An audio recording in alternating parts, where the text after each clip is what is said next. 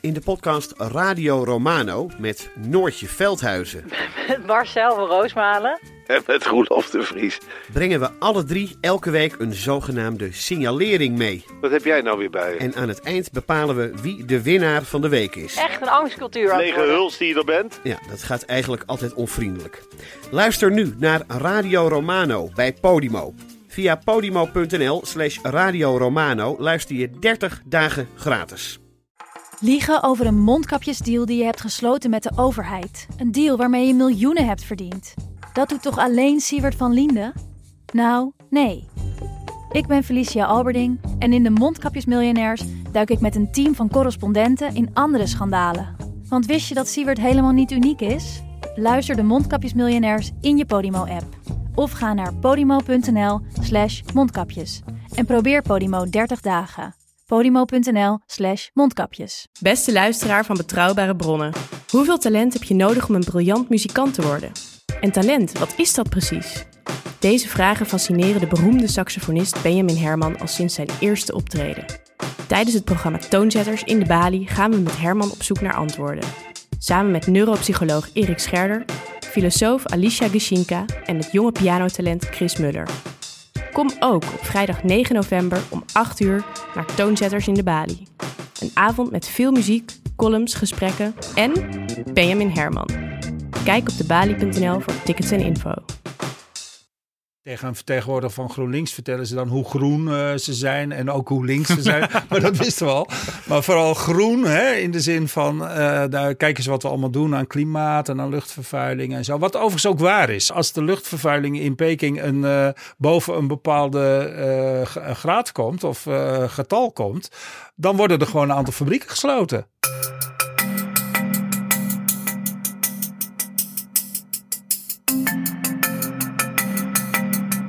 Dit is Betrouwbare Bronnen met Jaap Jansen.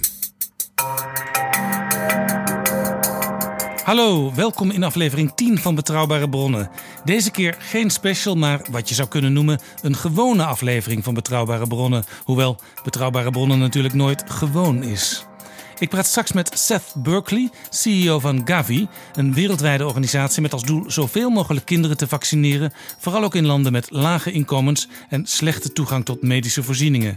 Hij sprak deze week met minister Sigrid Kaag, met Kamerleden en straks dus met betrouwbare bronnen. Daarvoor blik ik met GroenLinks-Kamerlid Bram van Ooyek terug op een bijzondere reis die hij in het herfstreces maakte naar China, samen met GroenLinks-leider Jesse Klaver. Centrale vraag: hoe moeten wij met China omgaan? In het gesprek stelt Bram van Ooyek zonder schroom dat onze westerse cultuur superieur is aan alle andere culturen. En daar laat ik nu vast een stukje van horen de clash of civilizations. We hoeven dat niet nu ineens te dramatiseren. Maar er is natuurlijk wel iets aan de gang van, van aan de hand van twee systemen die om de voorrang strijden. En we, we, ik herhaal dat maar steeds. We moeten ons dat bewust zijn. Wij, wij moeten ons model. En ik vind ons model nog altijd superieur boven heel veel andere modellen. Als het gaat om pluriformiteit in de samenleving, om de kans van mensen om mee te praten, respect voor mensenrechten. We hebben allerlei kritiek op, op, ook op de regering en alles. Maar laten we wel wezen, we staan wel voor het soort van samenleving dat we proberen met vallen en opstaan op te bouwen. En als we ons dat niet voldoende bewust zijn, ook in gesprekken met China, dan zou wat we nu nog vanzelfsprekend vinden, misschien dat over vijf jaar niet meer zijn. En dat is de zorg waarom wij uh, uh, ook daarheen zijn gegaan. Overigens, Frits Bolkestein, die zei toen hij VVD-leider was, ook dat uh, ons westerse systeem superieur is. En daar kreeg hij onder andere van links toen veel kritiek op. Ja, dat, dat, zou, dat zou best kunnen. Ik, ik spreek niet namens heel links in ieder geval op dit punt. Ik spreek voor mezelf. Dat was Bram van Ooyek, hier dus in het onverwachte gezelschap van Frits Bolkestein. En ook CDA Maxime Verhagen heeft het wel eens gehad over onze light-cultuur. De cultuur die wat hem betreft dominant moet zijn. Straks meer van Bram van Ooyek. Jaap Jansen en Pieter Gerrit Kroeger duiken in de politieke geschiedenis. Welkom PG. Dag Jaap, daar zijn we weer. Dit is de week dat Angela Merkel aankondigt dat haar langste tijd voorbij is. Dit is ook de week waarin de Eerste Kamer algemene beschouwingen had. En dit is de week waarin er nog steeds geen pensioenakkoord is. Maar jij wil het hebben vandaag over Haagse eethuisjes. Waarom?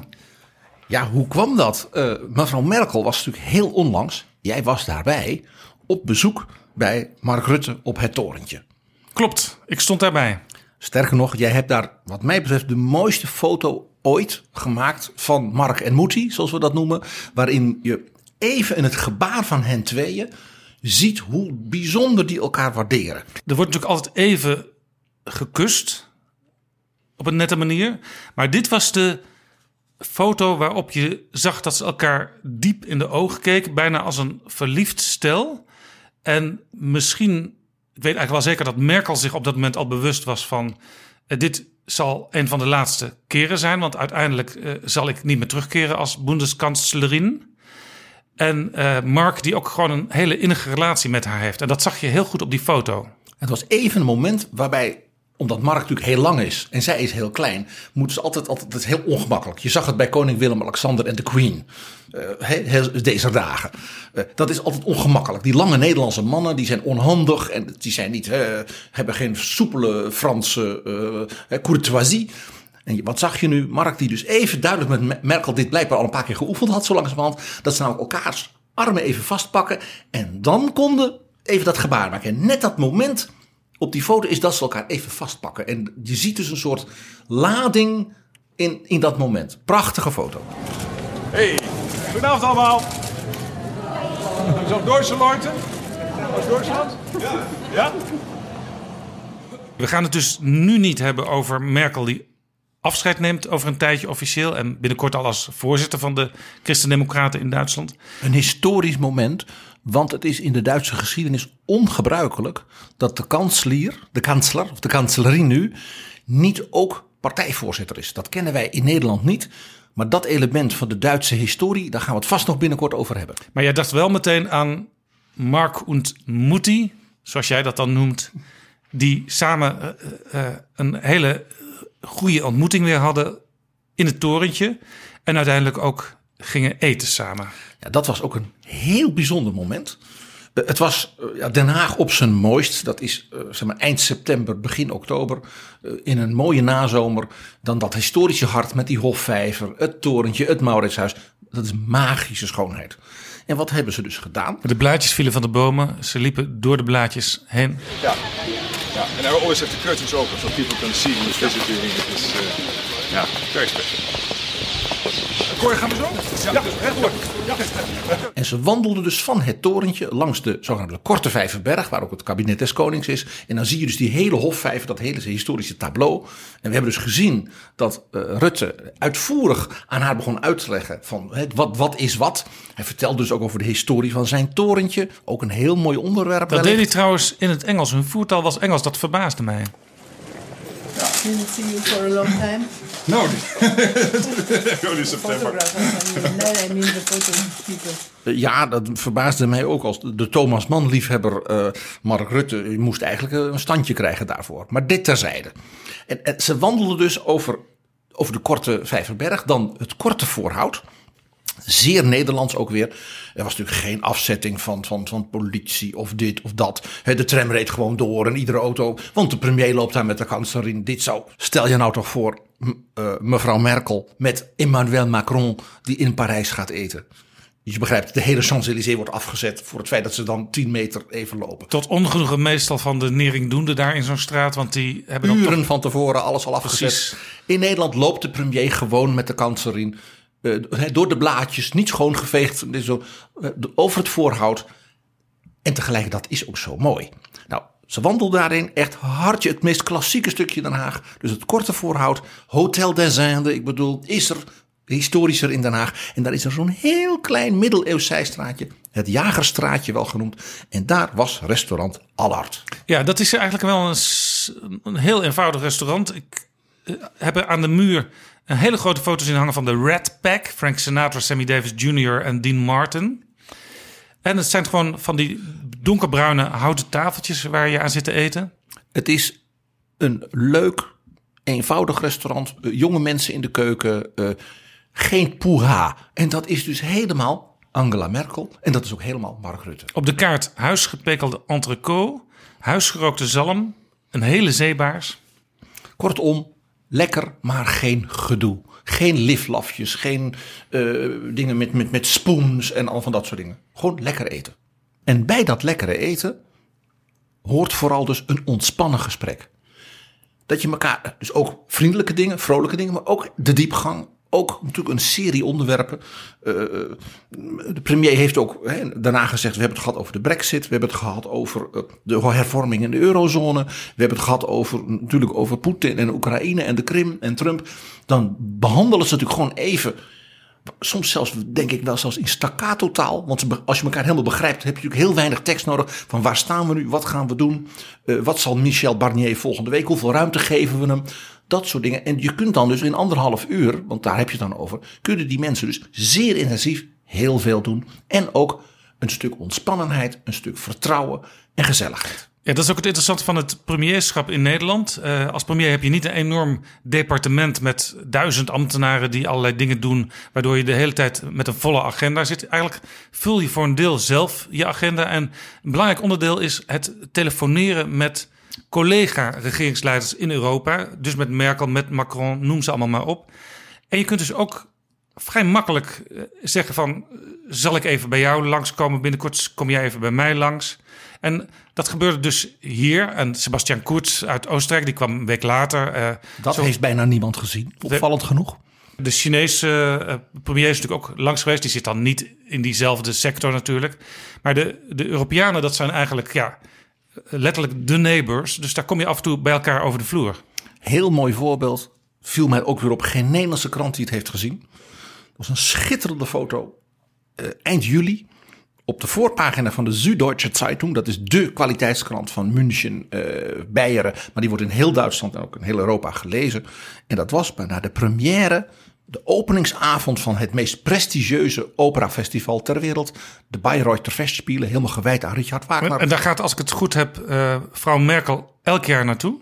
Zij is een groot liefhebber en kenner en zij had dit jaar als eregast van het echtpaar Merkel, want haar man is ook een groot kenner en liefhebber, Mark Rutte.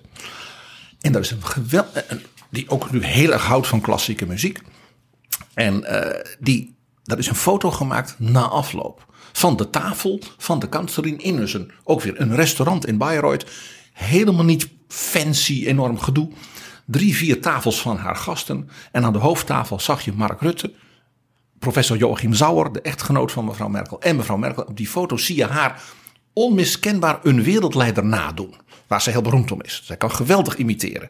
En je ziet haar man, die houdt, die houdt haar hand een beetje vast van maak het niet te gek. Wie? En Rutte die zit te schateren. Wie doet Merkel zo wel na?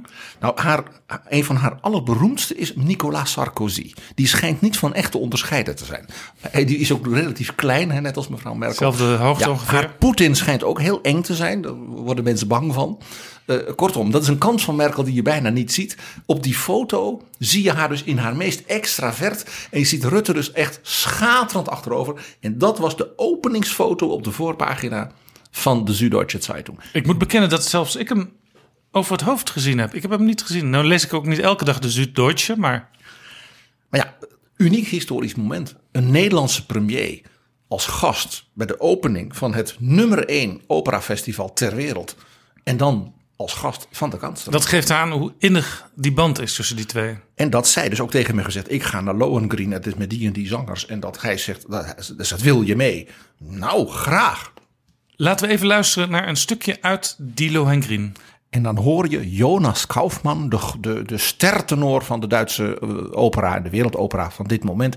En die zingt het slot van deze opera, waarin hij dus onthult dat hij een redder van de Graal is, de zogenaamde Graalserzählung. Zeer dramatisch.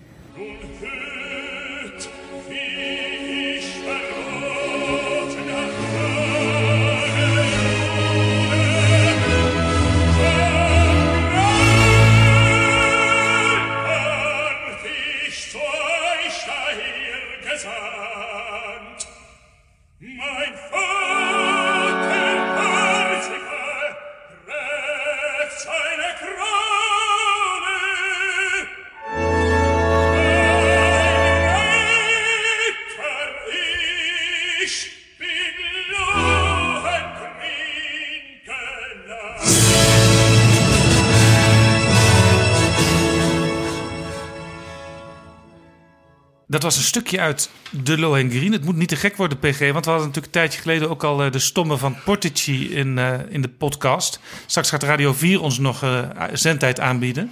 Nou, wees blij. Ik weet dat vroegere medewerkers van mij al bang zijn dat de hele ring van Wagner een keer 16 uur lang in de podcast komt. Maar ik hou me in. Nou, er zit rek in de lengte, hè? Want uh, afgelopen week hadden we een podcast van 3 uur en 10 minuten. Daar wordt door velen uh, juichend op gereageerd. Een enkeling zegt, kan het iets korter? Uh, maar ja, dat alles, zijn, is, dat zijn alles tegen... is mogelijk in betrouwbare bronnen. Daarin lijkt dus betrouwbare bronnen op de opera's van Wagner. Velen zeggen het kan er niet lang genoeg duren. Sommigen zeggen kan het iets korter. Merkel, heeft Rutte ook wel eens uitgenodigd op haar datje? Ja, ja dat is iets heel bijzonders. Uh, mevrouw Merkel uh, komt natuurlijk uit de DDR. En in de DDR... Soberheid, soberheid gematigdheid. Gematigheid, armoede. Echt, dat echt armoede. is op zich ook wel iets wat ik aan Merkel koppel, die, die gematigdheid. Ja. En een van de dingen, wat natuurlijk de DDR... En aan Rutte trouwens ook. Ja. Een van die dingen die typerend was voor de DDR, was dat mensen natuurlijk woonden in, nou ja, uh, in Berlijn of in een andere stad. En ja, daar werd je natuurlijk voortdurend uh, bewaakt. En afgeluisterd en dat soort dingen. Dus er was gebruik in de DDR. Als het even kon, had je een datje. En dat is dus het Russische woord dacha. Een buitenhuisje, desnoods een tuinhuisje ergens in het bos of aan een meertje. Waar je dus gewoon een beetje meer jezelf kon zijn. Mevrouw Merkel had via haar man, dus professor Sauer, een datje aan een van die meertjes noord van Berlijn in de Oekermark. Dat heet de Müritz, dat gebied. Het is een magisch gebied, woont bijna niemand. Daar ging de, in dat gebied ging ook Honecker altijd jagen op wilde zwijnen en reeën en dat soort dingen. Echt een wild gebied in het noorden van Berlijn. En uh, daar zaten ze. En dat, die datje hebben ze dus nog steeds. Typisch Merkel, dus niet een of ander paleis nu. Gewoon nog altijd dat huisje, dat buitenhuisje. Uh, en daar ontvangt ze dus vrienden. Daar kookt ze ook voor ze. Dan, en dan genieten ze gewoon van de gesprekken en de ontspanning. Uh, uh, en dus vroeger dat, dat je niet afgeluisterd kon worden. Althans, dat hoopten ze dan maar. Want de Stasi, weten we, had op een bepaald moment ook in al, al, bij, belangrijke intellectuelen en zo. Ook daar in die datjes hadden ze hun afluisterapparatuur. Maar zij heeft daar dus ook in de pan staan roeren voor Mark Rutte. Dat, dat, dat, dat, dat heb ik gehoord, ja, dat dat zo is. In elk geval, ze kookt heel graag voor haar vrienden. Uh, uh, en, en, en er is een Duits damesblad waar ze elk jaar, als het, ware, als het eind van het politiek jaar, dus zeg maar eind juni, is dan het vaste ding het klassieke recept van de kanslerin. Dus wij weten nu hoe zij voor haar man zijn favoriete streuselkoeken maakt. En vorig jaar was het de kartoffelsoepen. Zo waren ze dus ook samen. Hè? Uh, Rutte en Merkel bij restaurant Allard. En dan hebben ze de spitsenkandidaten besproken. Daar hebben ze de eurozone, de Italianen, het gedoe, Brexit besproken. En daarmee is Allard toegetreden tot die rij van restaurants met een rijke politieke Haagse historie. Zou Merkel Rutte daar ook al verteld hebben wat ze deze week bekend heeft gemaakt? Ik sluit niet uit dat zij heeft gezegd van ik moet zien hoe dat met die verkiezingsuitslagen gaat en wat dat betekent voor mijn positie. Daar wist zij, is zij absoluut heel duidelijk, heel bewust mee bezig geweest. We hadden onlangs in Betrouwbare Bronnen een verhaal over hoe neem je afscheid als politiek leider, hoe moeilijk dat is. Naar aanleiding van Alexander Pechtold. Ja, en je ziet dus dat Merkel, typisch Merkel, de beta-geleerde, zeer overwogen. Toen dat dus gebeurde in Hessen, en ze zag ook uit de peilingen dat, dat het feit van het gedoe onder haar leiding in Berlijn een negatieve factor was voor die zeer belangrijke CDU-staat. Dat ze toen zei: Ik moet nu een stap gaan zetten. En ik moet vooral zelf de regie houden. Dit eethuisje Allard in de Jagerstraat nummer 6 in Den Haag was eigenlijk alleen maar de inleiding tot jouw verhaal. Want we hebben het over Mark Rutte. En Mark Rutte is natuurlijk de man van de Indische eethuisjes. Zeker. En dat is wel leuk, want daarmee is Mark Rutte, uh, hoe man van de 21ste eeuw hij ook is als premier, ook zeer in de traditie. Ja, zijn, zijn, zijn voorouders, zijn, zijn, zijn vader, uh, hebben natuurlijk ook Indische roots. Ja, dus dat, heel, dus dat is echt klassiek Haags ook wel weer. Want Den Haag, hè, de weduwe van Indië, zoals dat heet. De stad van Tante Lien. Wieteke uh, van Dort. Ja, dat, dat is natuurlijk uh, dat is heel klassiek. En Den Haag is ook rijk aan al die, al die, al die, uit die, al die Indische eethuisjes uit de traditie. Sommige verdwenen, sommige bestaan nog. In het Indisch restaurant gonst het gesprek van alle kant. Tempo doelu, tempo doelu in dat verre, verre land. Ach, Kasjan, het is voorbij. Het is voorbij. Den Haag, Den Haag, de weduwe van Indië ben jij. Ach, Kassian,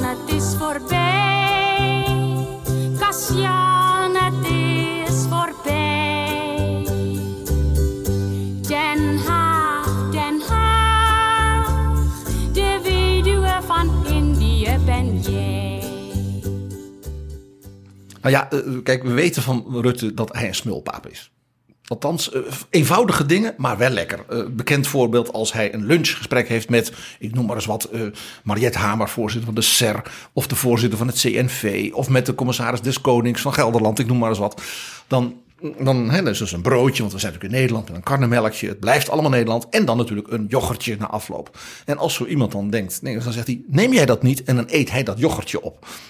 Het is heel Nederlands. Het, is, het doet zelfs een beetje denken aan Wim Kok. Zoals wij vorige week eh, in de terugblik hadden over Wim Kok en zijn broodjes en zijn yoghurtjes. Het verandert in Nederland niet zo heel veel. Nee, en van Rutte weet ik ook, eh, ik sta wel eens eh, in Nieuwsport met hem. En de obers die zetten dan speciaal voor Rutte een hele grote schotel met koekjes neer. En die zijn eigenlijk binnen, binnen, binnen de kortste keren zijn die helemaal verdwenen in één mond. Namelijk die, van die van de minister-president. Nog één illustratie. BNR ontvangt elk jaar ministers in een live-uitzending tijdens Prinsjesdag. Eh, Rutte is daar ook altijd te gast. Eh, speciaal voor hem, want dat weet BNR zo langzamerhand. eh wordt er op het moment dat hij binnenkomt ook een schotel bitterballen binnengebracht. Daar begint hij onmiddellijk van te graaien. Hij weet ook wel dat hij inmiddels dat op hem gelet wordt. Dus er is ook een hele mooie foto dat hij de medewerkers eh, en de andere gasten van BNR bitterballen staat uit te delen van die schotel. Om natuurlijk uiteindelijk zelf nog de laatste ook weer naar binnen te werken. Met andere woorden, ik denk wel eens, die man krijgt waarschijnlijk nergens eh, fatsoenlijk eten. Dus hij moet het doen met de koekjes en de bitterballen die hij gedurende zo'n dag tegenkomt. Eh, wat hij nog wel eens doet, is dat hij de lunch overslaat. Als hij dus geen gast heeft, wiens eh, yoghurtjes hij dan kan opeten. Want hij werkt gewoon door en belt en dit en dat. Hij is natuurlijk zeer energiek. En ik heb een keer, 's smiddags om, nou, wat was het, half vijf, op een conferentie waar hij sprak. En ik had geregeld met zijn staf dat ik één minuut na afloop onder vier ogen hem iets mocht vragen over een evenement dat ik had bedacht, internationaal. En zou je mee willen doen? En het mooie was, de truc om hem langer dan een minuut te hebben. Ik ging naast bij de, waar de borrel al klaar stond voor dat evenement, voor een half uur daarna. En daar stonden allemaal van die, van die kaasstengeltjes en dat soort dingen. En zei hij, ha, ik heb niet geluncht. En toen ging hij daarbij staan, toen wist ik, die ene minuut, dat worden er vijf. En die kaasstengels, dat ging één voor één. En hij zegt, zeg het maar, wat wil je? En ik heb eh, dat aan hem verteld. En warempel, hij zei meteen, ik doe het. Het aardige is dus, jij maakt daar min of meer misbruik van. Helemaal. Eh, mensen die Rutte een beetje kennen, die weten dat soort dingen dus gewoon op een gegeven moment. Hoe dat werkt bij hem. Ja, de, de- er is een, een, een lobbyclub hier in Den Haag. De- dat is de Bond voor Belastingbetalers. Die heeft in de kabinetsformatie heel slim een spaarvarkentje met chocolademunten laten bezorgen bij de onderhandelaars. Eh, dat moest vanuit het idee, u moet ons als belastingbetalers een beetje sparen. En ik weet bijna zeker, die chocomuntjes die waren binnen een kwartier allemaal op. Uit, het uit het buikje van dat, van dat spaarvarkentje gehaald. En dat ging smikkel, smikkel, smikkel.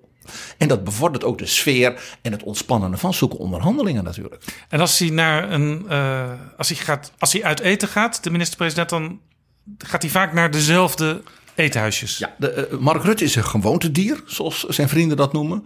Eh, een vriendin van, mij vertel, van hem vertelde aan mij ooit, dan gaan ze skiën in Zermatt.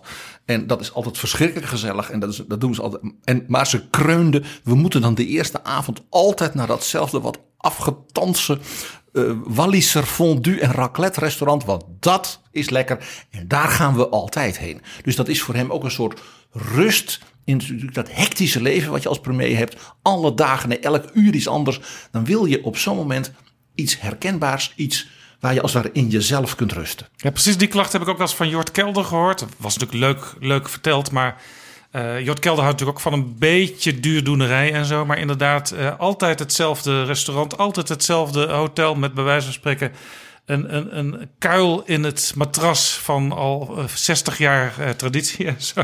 Ja, en, en, en ik- heb begrepen dat George Kelder dan, die krijgt dan min of meer verlof op één avond dan, maar dan moet hij er ook wel betalen. Eh, dan gaan ze naar een of ander ding met een ster of zo. Van een, en stiekem vindt Mark Rutte dat eigenlijk helemaal niet zo heel erg lekker. Wat ze dan doen met, weet je, met, met, met, met, met balletjes en dingen en spoons en zo. Dat, dat gedoe. Maar hij is, hij is dus een gewoontedier. Dat kunnen we wel vaststellen. Ja. En dat merk je dus ook in die Indische kant van hem.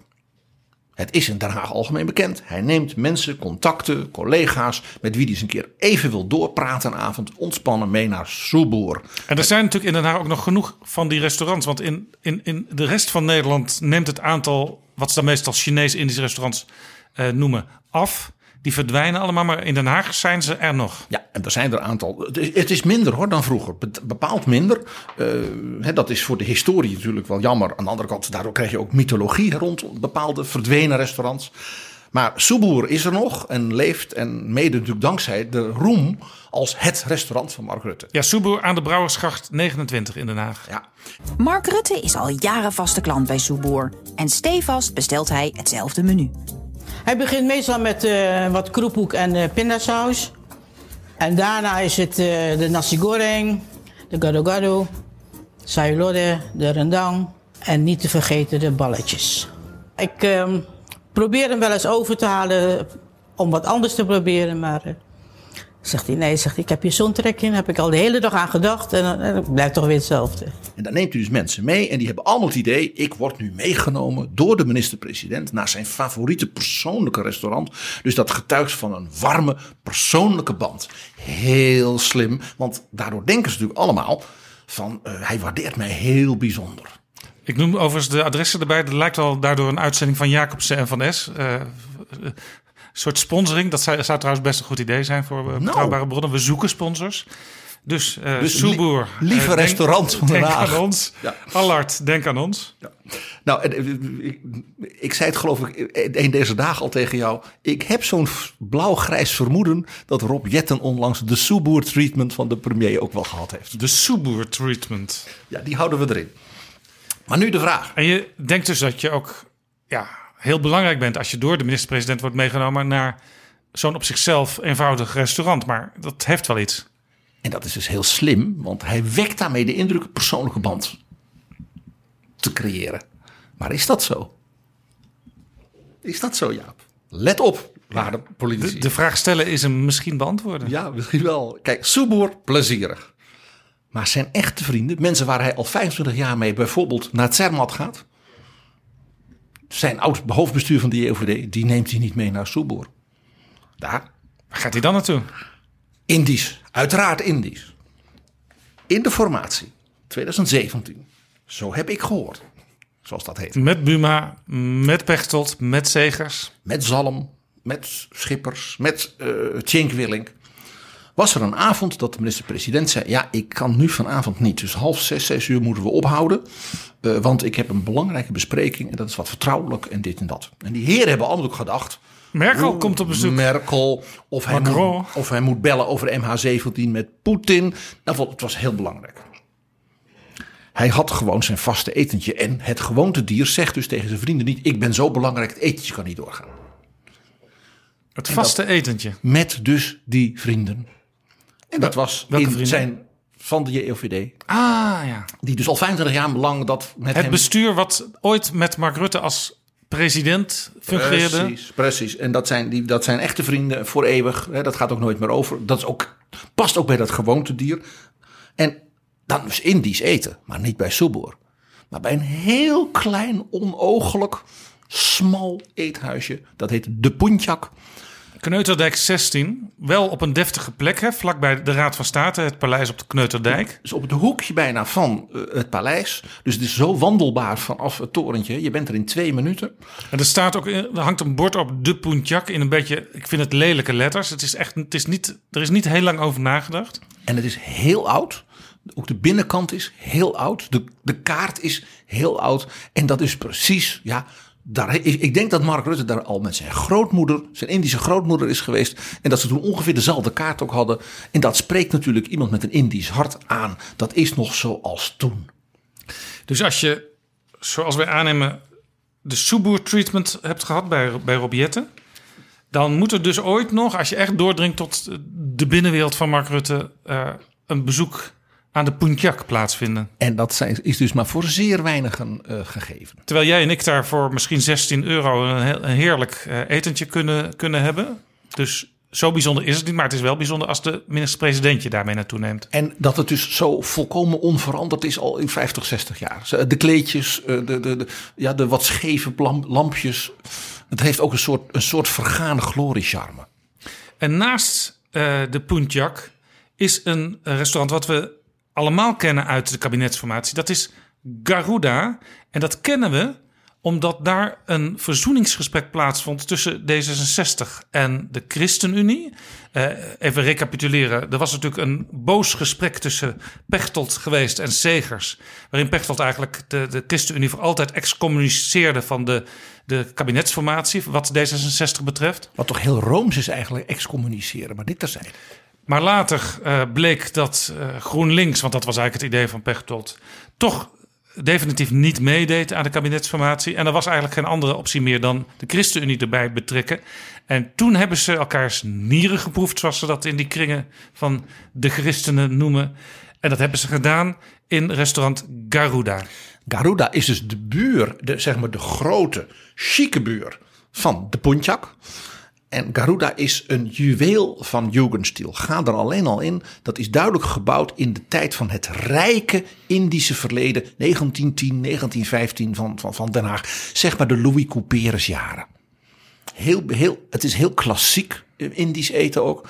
Eh, niet iedereen vindt de keuken tegenwoordig van de goede kwaliteit van vroeger. Nou, en het gaat nog, ook dicht. Kort nadat ehm Segers en Schouten en Koolmees en Pechtold daar gegeten hadden, eh, werd de, zaak eventjes een paar dagen gesloten. Wat was er aan de hand?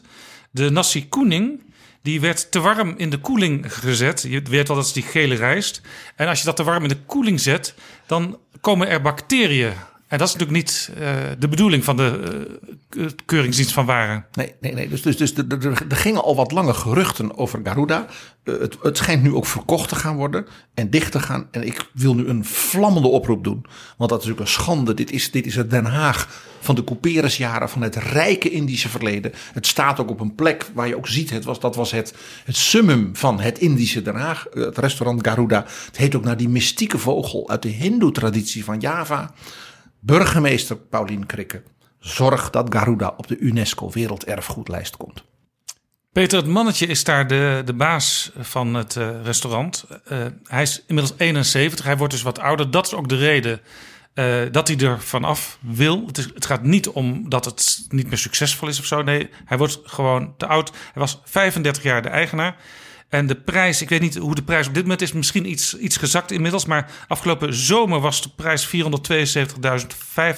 euro om de hele inboedel over te nemen. Je moet het personeel trouwens ook bijnemen. Het is een huurpand, dus de huur komt er ook nog bij.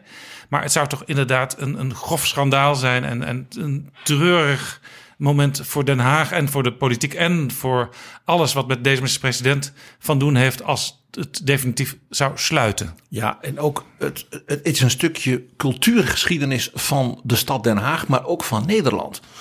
Hè, onze bijzondere band met, uh, met, met Indië, met de Indische keuken, met de Indische cultuur. Uh, en ook de, de, de liefde die er altijd is, toch is geweest, zeker van Den Haag, voor de Indische mensen en de, het Indische, het, al het Indische leven van Den Haag. Eén verhaal nog over Garuda als het mag. Dries van Acht was premier.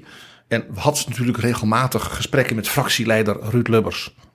En Dries van Acht hield natuurlijk van uh, zekere sfeer, een zekere hey, rococo. Een boterham met kaas, dat, dat, nee, dat, dat was uh, alsof je hem wilde vergiftigen, bij wijze ja, van spreken. Het moest wel een beetje aangekleed zijn, een beetje, beetje, beetje gezellig, een beetje mooi. Dus die nam Ruud Lubbers mee naar Garuda. Ruud Lubbers was het volstrekte tegendeel. Dat was een macher. Uh, eten, dat was een storing tussen het werk. En dus wat gebeurde er? Uh, Dries bestelt een, een, prachtige rijsttafel. En Ruud heeft twintig dossiers bij zich. Dus Dries denkt: oh, oh, oh, oh, oh. En inderdaad, Zoals Dries mij ooit vertelde. Twintig minuten later stonden wij weer buiten. Ru- Ruud had met mij alle dossiers doorgenomen en zei lekker satéetje. En dat was het dan. Het was niet aan Ruud Lubbers besteed. En Dries poging om toch wat met een gesprek en wat begrip voor elkaar te wekken... was dus weer jammerlijk mislukt. Lekker satéetje, ik hoor het hem zeggen. Dit is Betrouwbare Bronnen. PG, dat zijn de eethuisjes van Mark Rutte. Eh, maar jij wil ook nog een ander eethuis belichten wat er niet meer is in Den Haag. ik zei het hiervoor al even. Er is natuurlijk ook, ook doordat die Indische wereld wat uitgestorven is, toch langzamerhand. Zijn dus veel van die klassieke restaurants verdwenen. Ik noem er een, een Radden Ayu, een Radden Mas. En dan het allerberoemdste. Het meest beruchte, het meest besproken Chinees-Indisch eethuis van Den Haag. Op het buitenaf van een kast van een Chinees, zoals men dat noemde, Golden Valley. Is dat niet waar tegenwoordig die bioscoop zit en uh, Poppenkaapetel heet het geloof ik, wat er nu in zit? Nu is het een hele grote Mexicaan. Maar dat was dus een heel groot Chinees restaurant. En ik zal eerlijk vertellen, bij het afscheid van Alexander Pechtold besprak ik het idee van zo'n eethuisjesding met, met ook die in dat Indisch verleden met onze vriend en mag ik zeggen ons voorbeeld Max van Wezel. En die riep onmiddellijk Bekend van de podcast De Stemming van Vullings en Van Wezel. en van met het oog op morgen en van Vrij Nederland en Verschijnt van wat niet. bijna elke zaterdag en beluisteren waard. Zeer. En Max die riep onmiddellijk PG Golden Valley. Je vergeet toch Golden Valley niet? En toen zei ik Max, hoe zouden jij en ik en eigenlijk iedereen die de Haagse politiek Wat is er zo bijzonder aan Golden Valley? Golden Valley was heel groot. Ehm, Golden Valley was helemaal niet duur. Echt Nederlands, hè? Niet te duur. En het was onder andere. Dat geldt voor alle, bijna alle voorbeelden die wij nu noemen. Hè? Het kan ook voor een studentenbudget kun je er gewoon lekker eten. En het was onder andere, en zo was het voor Max als het ware, nou ja, historisch en iconisch geworden.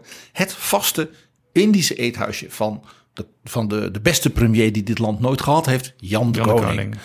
En waarom ging Jan de Koning nou Indisch eten? Een gereformeerde burgemeesterzoon uit Zwartsluis, ja, daarbij kampen.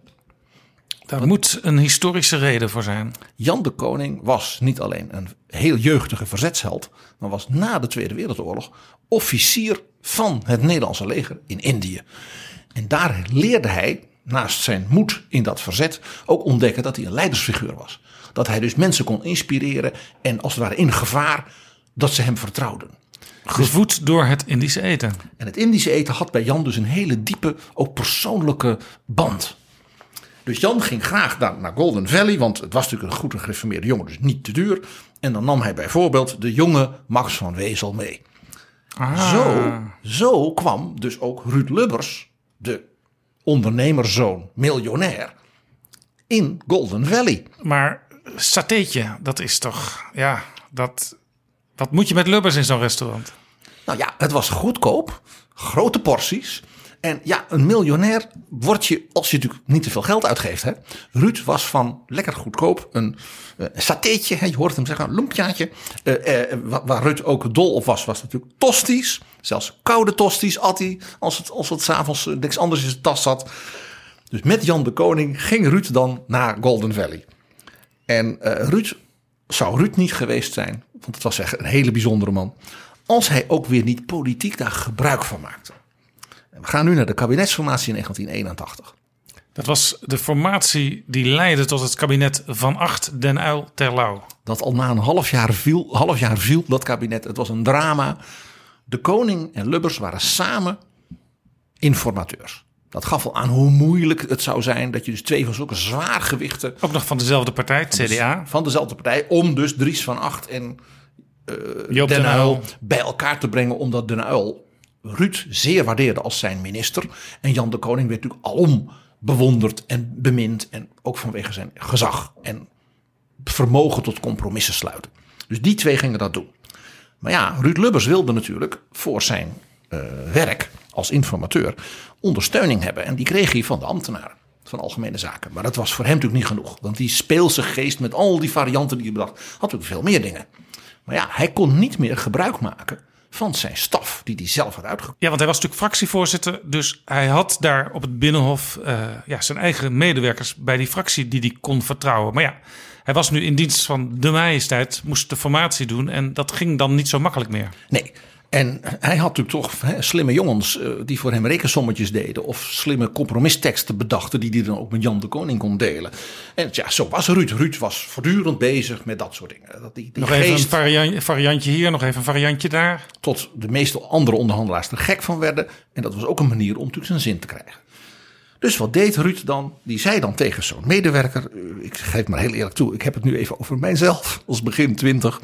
En wat gebeurde Ja, er want dan? even nog voor de eh, luisteraar die, die niet elke minuut van Betrouwbare Bronnen tot nu toe gehoord heeft. Jij was in je jonge jaren eh, medewerker van de CDA Tweede Kamerfractie en ook heel vaak eh, functionerend als assistent voor Ruud Lubbers. Ja, dat eh, een bijzondere ervaring, mag ik wel zeggen. Dus wat deed Ruud dan? Die liet dan even een seintje geven. Dat hij zo, nou, half zeven, kwart over zes, met Jan samen natuurlijk even een satéetje hè, bij Golden Valley ging eten.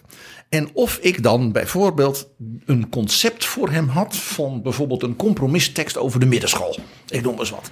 Of een rekensommetje over de lerarensalarissen. Of een idee voor iets met buitenlands beleid. Allemaal gelang onderwerpen waarvan hij dacht, daar moet dus ik nog eigenlijk op het buitenhof, eh, letterlijk buiten het binnenhof, werden daar ook weer ideeën uitgewisseld. Ja, en hoe deed Ruud dat? Want dat mocht natuurlijk niet zichtbaar zijn.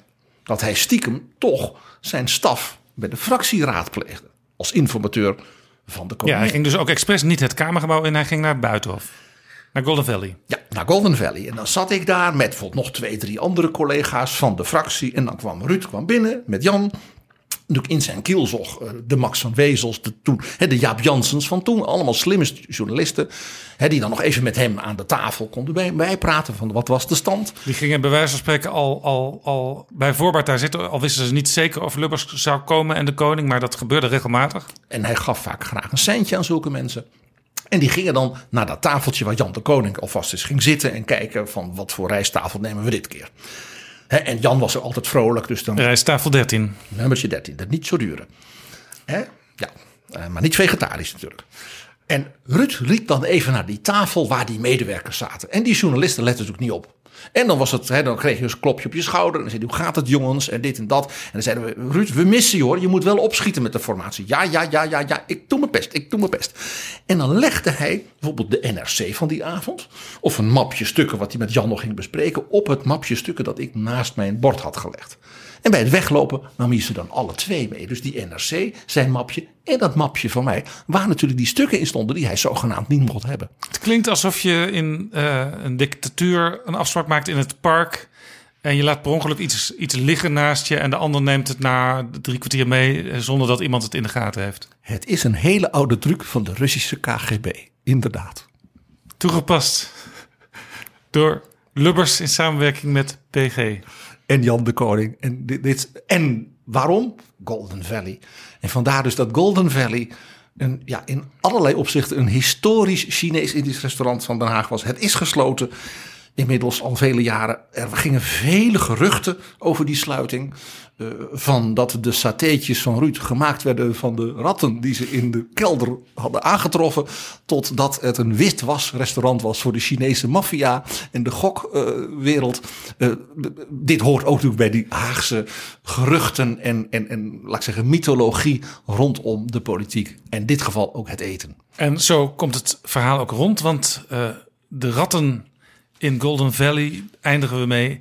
En we begonnen met de Red Pack aan de muur in Bistro Allard in de Jagerstraat, waar Mark Rutte met Angela Merkel onlangs heeft gegeten. Dankjewel, PG. Dit was Pieter Gerrit Kroeger.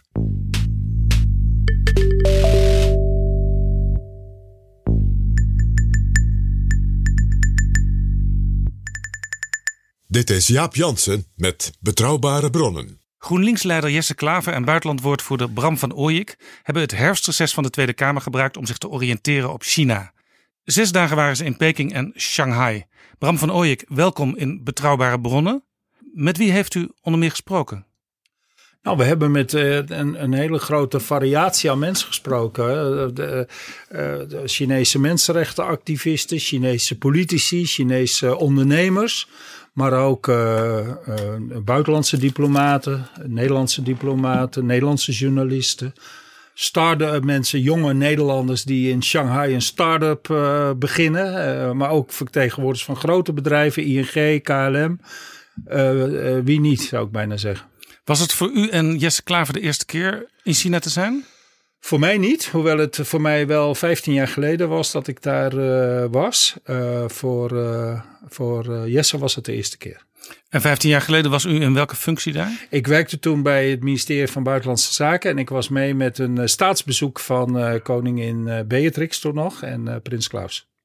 En op zo'n staatsbezoek heb je natuurlijk niet heel veel tijd om echt diep uh, mensen te kunnen spreken. Want dat is allemaal protocol natuurlijk. Ja, je mag wel blij zijn als je de, de optocht bij kunt houden, zal ik maar zeggen, als uh, jongste bediende. Dus dat, uh, nee, toen had ik weinig tijd om de diepte in te gaan, zoals u dat noemt. U bent Tweede Kamerlid. U doet onder andere buitenlandse zaken. Ja. Jesse Klaver is uiteraard de leider van GroenLinks. Ja. Samen ging u. Waarom ging u naar China? Nou, omdat we het idee hebben dat, dat er in, in China verschrikkelijk veel gebeurt. Uh, en, en dat we niet altijd uh, ons daar in de Nederlandse politiek voldoende bewust zijn. Ehm, bijvoorbeeld twee weken geleden, geloof ik inmiddels, was de Chinese premier op bezoek in, in Nederland, Li Keqiang. En uh, we hebben nog geprobeerd om uh, in de Kamer een meerderheid te krijgen voor een debat over ja, wat betekent zo'n reis nou? Er wordt gezegd er is voor miljarden aan, aan contracten zijn getekend. Maar we weten eigenlijk heel weinig van hoe die relatie zich dan ontwikkelt. Over, of er over mensenrechten gesproken wordt, over, over Trump, of er over Trump gesproken wordt. We wilden daar graag een debat over, maar er was eigenlijk in de Kamer niet zo heel veel belangstelling voor. Dus wij wilden graag, je kunt natuurlijk over lezen, heel veel, elke dag. Maar wij wilden toch graag uh, eens een keer zelf daar uh, rondlopen. Nou, zes dagen natuurlijk om een land als China te leren kennen. Ook weer niet uh, bij benadering genoeg. Daar moeten we ook weer bescheiden over zijn. Maar goed, het heeft wel een beeld gegeven. Ja, de Chinese premier was hier. Mark Rutte was april dit jaar in China. Dus er wordt veel heen en weer gereisd. Er zijn ook vaak handelsdelegaties. ja. wij zien natuurlijk China ook als het land waar de economie ja, steeds, steeds verder en verder groeit. Ja. We weten natuurlijk ook dat in China de mensenrechten nog niet optimaal nageleefd worden. Wat is uw belangrijkste indruk die u in die zes dagen China heeft gekregen? Nou, dat, dat China inderdaad, dat, zijn, dat, dat, dat is eigenlijk een aantal zaken. De, de, uiteraard uh, is China steeds meer uh, een economische en daarmee ook denk ik politieke wereldmacht uh, geworden. Hè? De, de, de, economische groei is weliswaar niet meer die 10, 11, 12 procent soms die het zeg maar 10 jaar geleden was, maar nog wel altijd 6 procent. En als er dan 1,4 miljard mensen zijn, waarvan inmiddels een heel groot aantal tot de middenklasse behoort en een heel klein aantal extreem rijk is dan is 6% eh, economische groei per jaar natuurlijk gigantisch. Niet alleen voor de mensen in China zelf, maar ook voor de wereld, als je het zo mag zeggen. En China is echt bezig om uh, uh, aan een project van economische expansie. En dat is in feite niet alleen een economisch, maar ook een politiek project. Hè. Ze zien dat uh, ja, Trump toch een beetje, de VS toch een beetje zich terugtrekt uit die internationale wereldorde. En zij eh, zien voor zichzelf, geloof ik, een rol om datgene wat zij belangrijk vinden, dat is niet altijd hetzelfde als wat wij belangrijk vinden, toch in de wereld meer um, zichtbaarheid en dominantie te geven. Dat moeten we ons bewust zijn. Ja, volgens het weekblad The Economist uh, leven we nu in de Chinese Century. En is China nu al groter dan de Verenigde Staten als het gaat om globale veranderingen. Dus de invloed wereldwijd dingen die er economisch gebeuren? Nou ja, dat zou kunnen. Als je, als je ziet dat, dat uh, de, de VS natuurlijk uh, zich terugtrekt uit het klimaatakkoord, ruzie maakt met andere rijke westerse landen. zeg maar, zich uit economische, hoe heet dat, economische handelsverd uit handelsverdragen terugtrekt. China doet eigenlijk het omgekeerde. China die engageert zich op allerlei mogelijke manieren, juist met de internationale gemeenschap. En uh, dat is op zichzelf goed. Alleen zij hebben daarbij denk ik een agenda die, een, een, die weer anders is. U noemde net al uh, de, de mensenrechten. Maar sowieso, als je, als je kijkt naar ja, hoe zij hun eigen nationaal belang, zeg maar. Toch in al die internationale contacten dominant kunnen laten zijn. En dat kunnen ze omdat ze een hele grote speler zijn met heel veel geld. Ja, dan is dat niet alleen maar positief. Nee, want ze zijn steeds meer aanwezig eh, wereldwijd. In Afrika investeren ze Zeker. enorm. Enorm. Maar bijvoorbeeld ook in Griekenland nemen ze, Zeker. hebben ze bijvoorbeeld de belangrijkste haven overgenomen. Van Piraeus, ja. Dat werd zelfs toegejuicht vanuit Europa. Want Ja. in Europa waren we blij dat er belangstelling was voor zo'n investering. Dat is heel naïef. Ja, ik was in, eh, in, eh, in het voorjaar eh, met de Kamerdelegatie Europese Zaken in de Westelijke Balkan, in Albanië, Montenegro en Servië. Daar heeft iedereen het over de presentie van, van China. En die is daar verre van abstract. Hè. Daar wordt gewoon heel concreet, wordt daar inderdaad infrastructuur, hoe heet dat, strand, hotels, van alles en nog wat opgekocht. En zij zien inderdaad daar het, het- de, de, de, de haven van Piraeus in Griekenland, die in Griekse handen is, als een soort toegangspoort. Hè, in, in de ogen van mensen op de Westelijke Balkan heeft China zich daarmee een toegangspoort tot de rest van Europa eh, gecreëerd. En eh, als je ziet waar ze allemaal eh, investeren. En eh, ik zag bijvoorbeeld nu een, een, kerncentrale in het eh, Verenigd Koninkrijk. Hè? In Engeland is in Chinese handen gekomen. Vliegvelden, Heathrow, het vliegveld van Toulouse. Eh, nou, zo zijn er talloze voorbeelden. Ook in Europa, ook in West-Europa.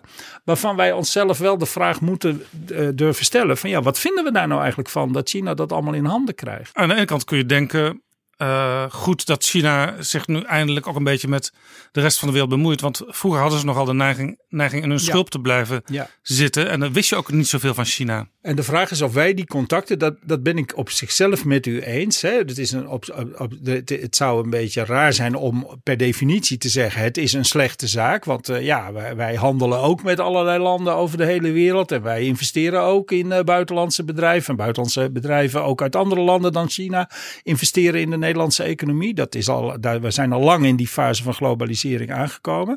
Maar het gaat erom of je die eh, relaties, die dus steeds intensiever worden, ook bereid bent te gebruiken. Bijvoorbeeld om je eigen politieke belangen veilig te stellen. Om je eigen eh, om, om spionage van intellectueel eigendom eh, te voorkomen. Om mensenrechten op, een, op een effectieve manier aan de orde te stellen. Om privacy issues te bespreken. Waar China heel anders tegen aankijkt eh, dan wij. Om, om de democratie zoals wij die toch nog steeds hopen te kunnen koesteren. eh, in, in zo'n dialoog eh, als norm te stellen in plaats van een soort eh, ondoorzichtige eenpartijstaat die China is. Het gaat om allemaal dat soort dingen. En als je alleen maar kijkt naar, en dat is wel een beetje wat eh, Jesse Klaver en ik, laat ik zeggen, ook dit kabinet verwijten. Als je alleen maar kijkt naar hoe groot is de, is de kassabon aan het, hoe hoog is de kassabon aan het eind van het bezoek. We hebben voor zoveel miljard contracten afgesloten. Dan ben je echt naïef en eenzijdig bezig. Dat is, dat is het punt. En, da- en daar hebben we geprobeerd een beetje gevoel voor te krijgen. Van, wat zijn al die onderwerpen nou die in zo'n relatie een rol zouden moeten spelen? En ik noemde er net een aantal. Er zijn zelfs waarnemers die zeggen, u bent ook eh, ont- ontwikkelingssamenwerkingsdeskundige. Eh, de Chinezen nemen langzamerhand Afrika over. ja. En die Afrikanen die zeggen, die Chinezen stellen niet van die lastige vragen Nee. over bijvoorbeeld mensenrechten, zoals die Europeanen wel doen. En ondertussen heeft China zelfs in eh, Djibouti een Ja, de eerste een overzeese militaire basis gevestigd. Ja, klopt. Ja, op een heel strategische plek aan de, ja, wat is het, hè? De, de, de, de Rode Zee. En eh, ja, dus dat ligt heel, eh, dat ligt, dat ligt heel eh, centraal aan een, aan een voor de hele wereld belangrijke doorvoer, eh, eh, doorvoerroute.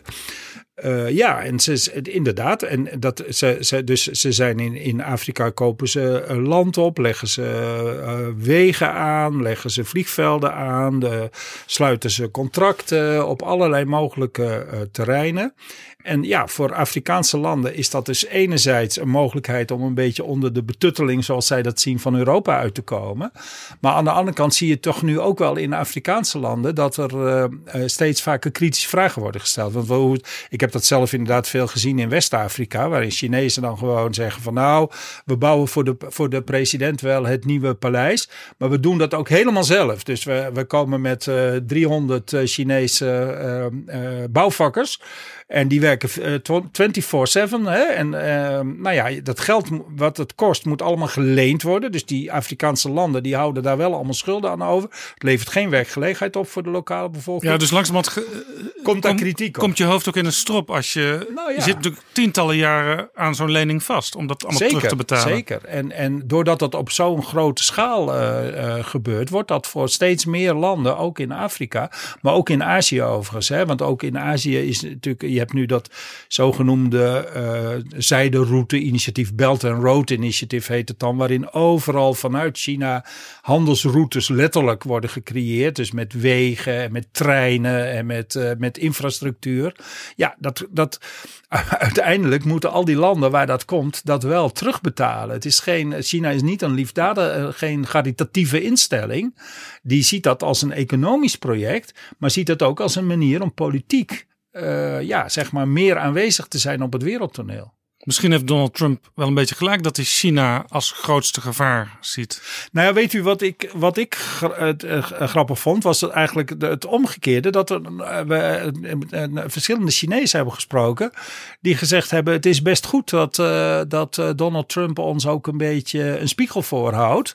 En zegt van: eh, je- moeten jullie niet eens eh, nadenken over je economische model? Dus ze zijn bepaald geen fans van Trump. Maar ze zien wel in dat eh, misschien de manier waarop ze nu eh, eh, zeg maar internationaal bezig zijn, ook weer niet altijd eh, overal alleen maar tot instemming kan eh, leiden. En dat is interessant, want, want eh, eh, Chi- China is wel heel gevoelig, geloof ik, voor wat de buitenwereld van ze, van ze vindt. Dus aan de ene kant zijn ze dus een, gaan ze als een rollercoaster, zeg maar, over, die, over die, eh, dat, dat buitenland in, hè, met wegen en spoorlijnen en luchthavens die ze kopen en havens en land dat ze opkopen. Hè. Heel veel Afrikaans land is inmiddels door China opgekocht om daar gewoon voedsel te verbouwen wat vervolgens eh, in China op de markt eh, komt. Maar ze, ze zijn, ze, dat doen ze dus aan de ene kant vrij rücksichtsloos. Maar aan de andere kant zijn ze wel, bleek ook uit heel veel van die gesprekken die wij hadden, toch ook wel weer gevoelig van, voor wat wij daar nou in het Westen van denken en vinden. Dus dat opent interessante mogelijkheden voor een politieke dialoog. Als je een bedrijf hebt, eh, u hebt bijvoorbeeld met mensen van ING gesproken, maar ook met mensen van Soet Supply, wat, wat Ja. toch ook een soort midden- en klein bedrijfachtig Ja, eh, onderneming Ja, nog is. Eh, iedereen wil toch op de een of andere manier voet aan de grond in China krijgen. Ja. Ja, dat is zo. En het is inderdaad heel bijzonder hoe dat ja, over de hele linie eh, overal gebeurt. Maar ja, je moet zich voorstellen, daar is gewoon de laatste tien jaar een, middenklasse ontstaan met 400, 500 miljoen mensen. Hè? Een, een, echt een middenklasse. Daar is een bovenklasse ontstaan. In, in, eh, als je in Shanghai eh, wandelt, dan. dan eh, de ene Maserati naar de andere komt ronkend eh, de straat binnen. Hè. Daar is dus een rijkdom. Hè. Als, je, als u daar met een verkoper van Soet Supply praat, wat wij gedaan hebben, die kun je de mooiste verhalen vertellen over hoe mensen, nou ja, tenminste mooi in de zin van ehm, eh, spectaculair, over hoe daar ja, de, de, de kleding zichzelf eh, t- verkoopt eh, tegen prijzen die het dubbele zijn van hier in Amsterdam of in Den Haag. Dus het is een hele aantrekkelijke markt natuurlijk voor heel veel Ja, ik ben één keer in, Het is een eh, moeilijke markt, hè, want het is bureaucratisch en je moet met, je hebt met de communistische partij rekening te houden en met. Je moet ook een- meestal een, een, een deal aangaan met een bestaand Chinees bedrijf. Ja, meestal wel. Dat wordt wel eens een keer een uitzondering eh, eh, gemaakt. We hebben bijvoorbeeld een Nederlands familiebedrijf uit Edam eh, hebben we bezocht eh, in, in de buurt van, eh, van, van de hoofdstad van Peking. En omdat dat dan een, een, een eeuwenoud familiebedrijf is, kan dat dan nog eh, wel functioneren. Alleen daar is bijvoorbeeld wel een Chinese eh, directeur naast de Nederlandse directeur eh, benoemd, die ook wel degelijk de contacten met de communistische partij onderhoudt. Dus het is een ingewikkelde markt. Maar ja, als het een beetje loopt, dan kun je daar ongelooflijk veel geld verdienen. Of je nou een groot bedrijf bent eh, als KLM of een klein bedrijf als eh, Soet Supply. En eh, dat, dat is, ja, als je het goed aanpakt, dan ligt de wereld voor je open. En ze zijn natuurlijk, we hebben ook echt met van die Nederlandse whiskids en start-ups gesproken. Als je de, op het gebied van, ja, van, van ah, ah, kunstmatige intelligentie en op het gebied van, van eh, cyber. En op zijn ze natuurlijk ook op dit moment eh, state of the art. Ik ben er zelf niet zo deskundig in, maar daar heb ik me wel laten vertellen. Het is ook in die zin uitdagend voor, voor Nederlandse wetenschappers en Nederlandse ondernemers om in dat soort sectoren in China actief te zijn. Ja, en tegelijkertijd is natuurlijk de communistische partij nog alles overheersend. Misschien wel meer dan het lange tijd weer gewe- geweest is nu weer. Hè? Ja. Ja, je hoort vaak dat de Chinezen al vrij snel dachten toen Gorbachev in Rusland de luiken opengooide. eh, wij gaan dat niet op die manier doen. En je zag toen ook natuurlijk dat eh, Rusland eerst een enorme miserabele periode doormaakte. En eigenlijk de vraag is of ze, of ze nu wel op de goede weg zijn. Nou, de Chinezen die hebben op hun manier het kapitalisme omarmd. Dat lukt ze heel goed. Ja, en dat gaat dus ook gepaard met. eh, eh, de- ik heb zelf in het verleden ook nog wel eens gedacht: van nou ja, als er dan eenmaal economische hervormingen en liberalisering komt, dan volgt de politieke dooi vanzelf. Maar dat heeft China echt wel bewezen dat dat niet zo is. Eh, sterker nog, ik, ik geloof dat toch wel bijna iedereen die we spraken erop wees dat de invloed van de partij op de economie en op de samenleving. Eh, we kennen allemaal wel zo langzamerhand dat voorbeeld van die alom tegenwoordige camera's. Hè. 60 miljoen camera's hangen er op dit moment in China. Het is een groot land, maar 60 miljoen is wel echt veel. En eh, iedereen die, die je spreekt daar, die zegt van ja, we worden gewoon wel in de gaten gehouden. De partij zit overal in. eh, eh, partijleden gaan voor niet-partijleden. Als je opkomt voor mensenrechten, bijvoorbeeld, we hebben daar met mensenrechtenverdedigers gesproken, dan word je in de gevangenis gegooid. Ik bedoel, in die zin is er van dooi geen enkele sprake. Hoe gaat zo'n gesprek met iemand die daar mensenrechtenactivist is? laten we eerlijk wezen, het is voor, voor, voor de mensen om wie het gaat niet zonder risico. Hè?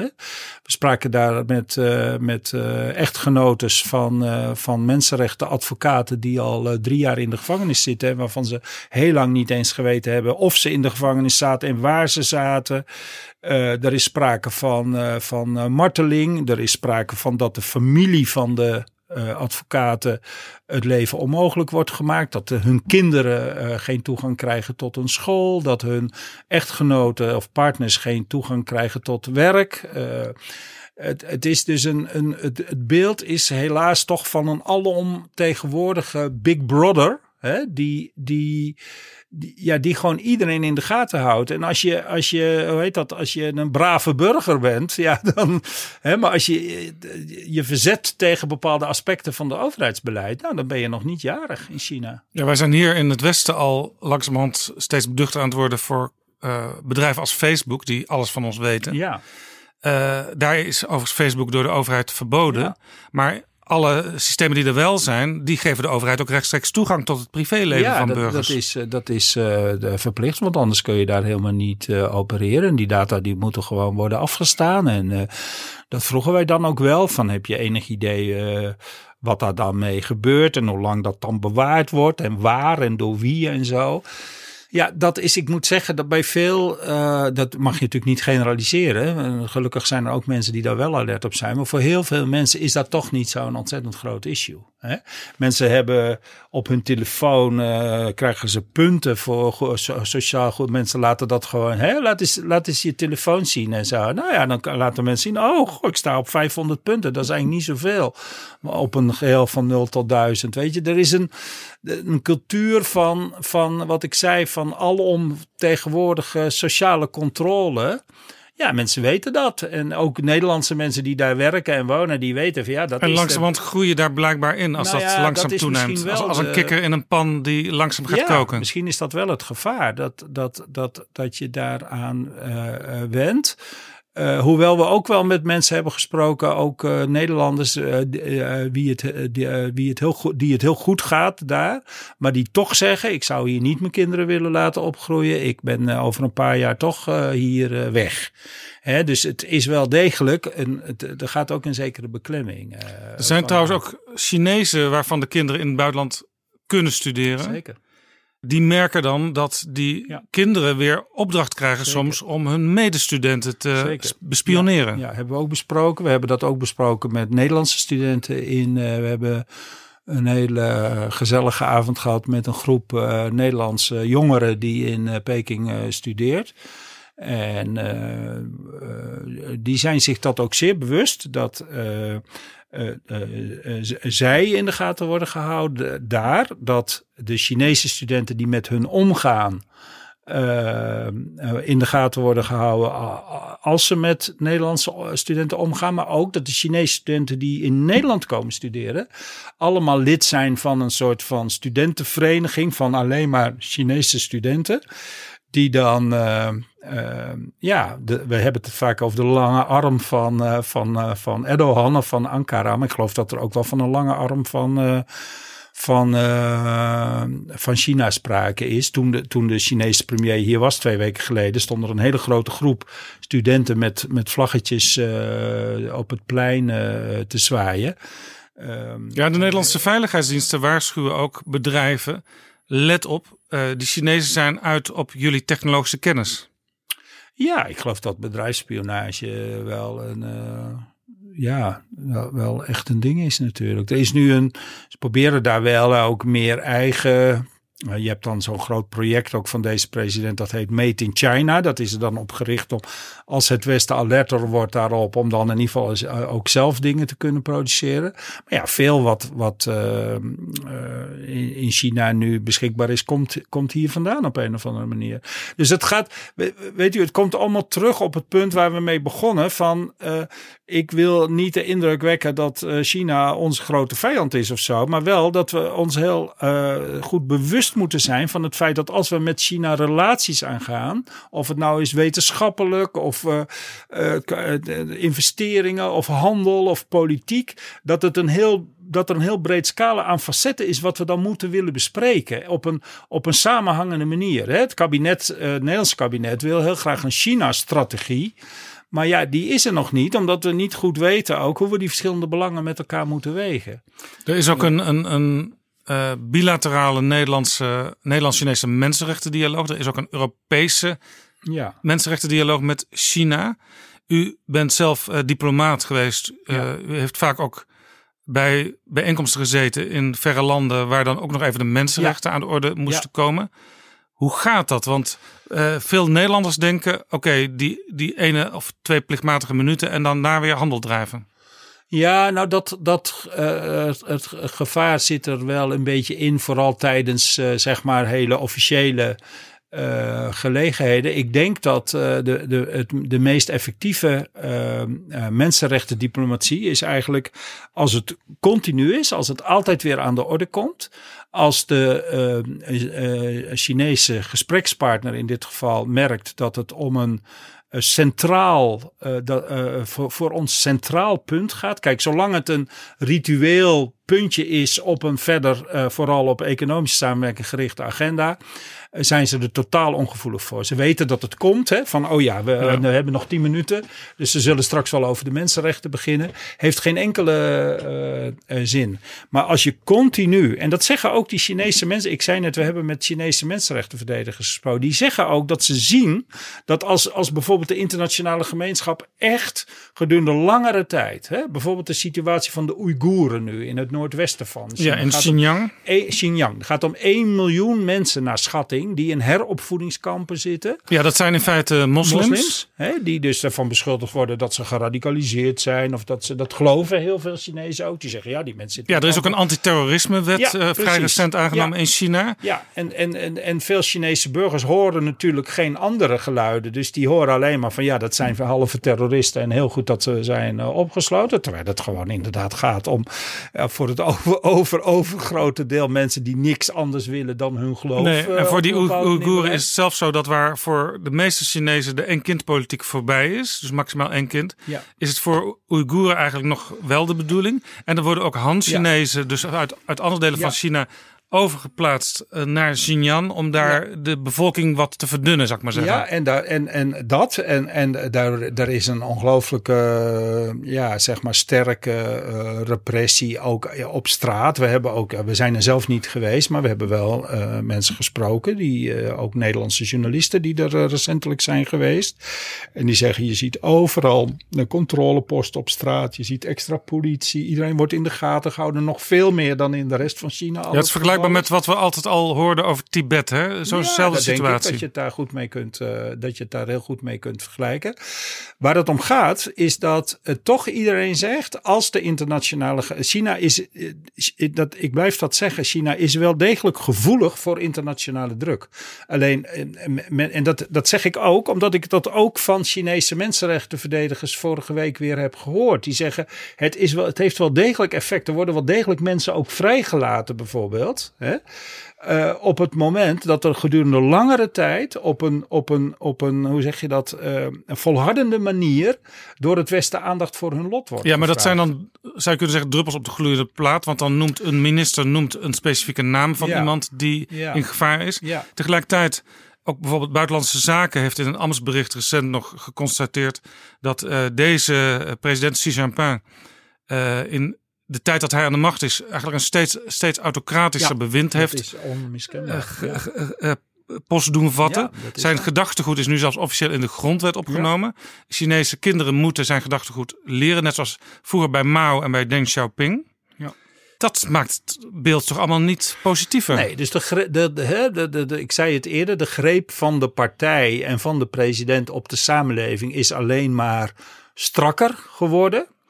Eh, dat neemt niet weg dat ik ervan overtuigd ben, ook door wat ik van mensen in China zelf heb gehoord, dat er wel degelijk, eh, dat het wel degelijk de moeite waard is om zaken als mensenrechten, maar ook onze democratische waarden, onze opvattingen over privacy, onze opvattingen over meer partijen en een pluriforme samenleving, om die te blijven naar voren brengen. Alleen je moet, en dat is, een, dat is de, in, eerlijk gezegd, denk ik, inderdaad de kunst van de, van de diplomatie. We hebben daar ook met westerse diplomaten in Peking veel over kunnen spreken. Dat was heel interessant.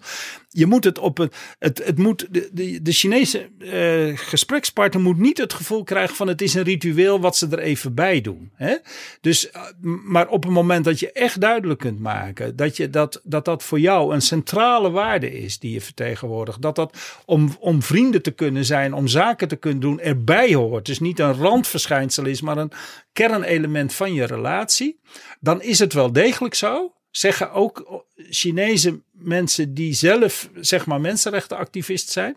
Dan is het wel degelijk zo dat ook deze zo autocratische regering eh, gevoelig is voor westerse kritiek. Alleen je moet je moment goed kiezen. Je moet het, de, belang ervan voortdurend onderstrepen. En je moet het niet opgeven. Je moet niet denken van ja, het gaat nu allemaal de verkeerde kant op. Dus laten we nou maar zorgen dat we economisch een graantje meepikken. En over de rest maar even zwijgen. Dat is totaal de verkeerde benadering. U sprak ook tijdens uw week in eh, Peking en Shanghai met bijvoorbeeld Chinese parlementariërs.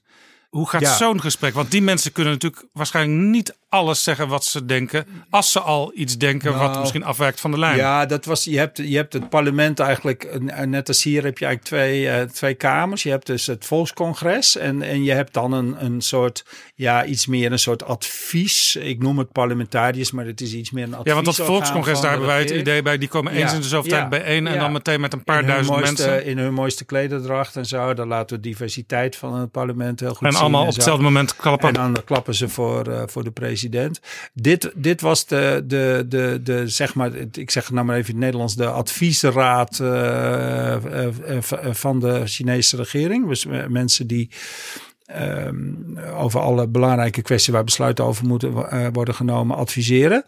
Ehm, die, die, ja, daar word je met alle egaars ontvangen. Dat eh, mensen zijn, eh, ja, die, die houden zich strikt aan de partijlijn. Dus die vertellen hoe, tegen een vertegenwoordiger van GroenLinks vertellen ze dan hoe groen eh, ze zijn en ook hoe links ze zijn. maar dat wisten we al.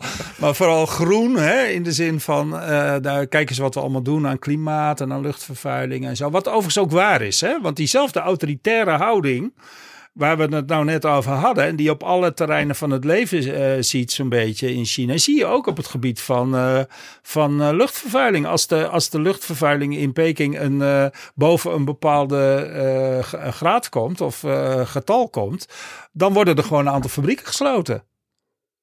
Hè? En die blijven dan twee maanden dicht totdat het allemaal weer een beetje het is het, eh, verhelderd. En, Maar eigenlijk en, kwam het erop neer toen u daar binnenkwam.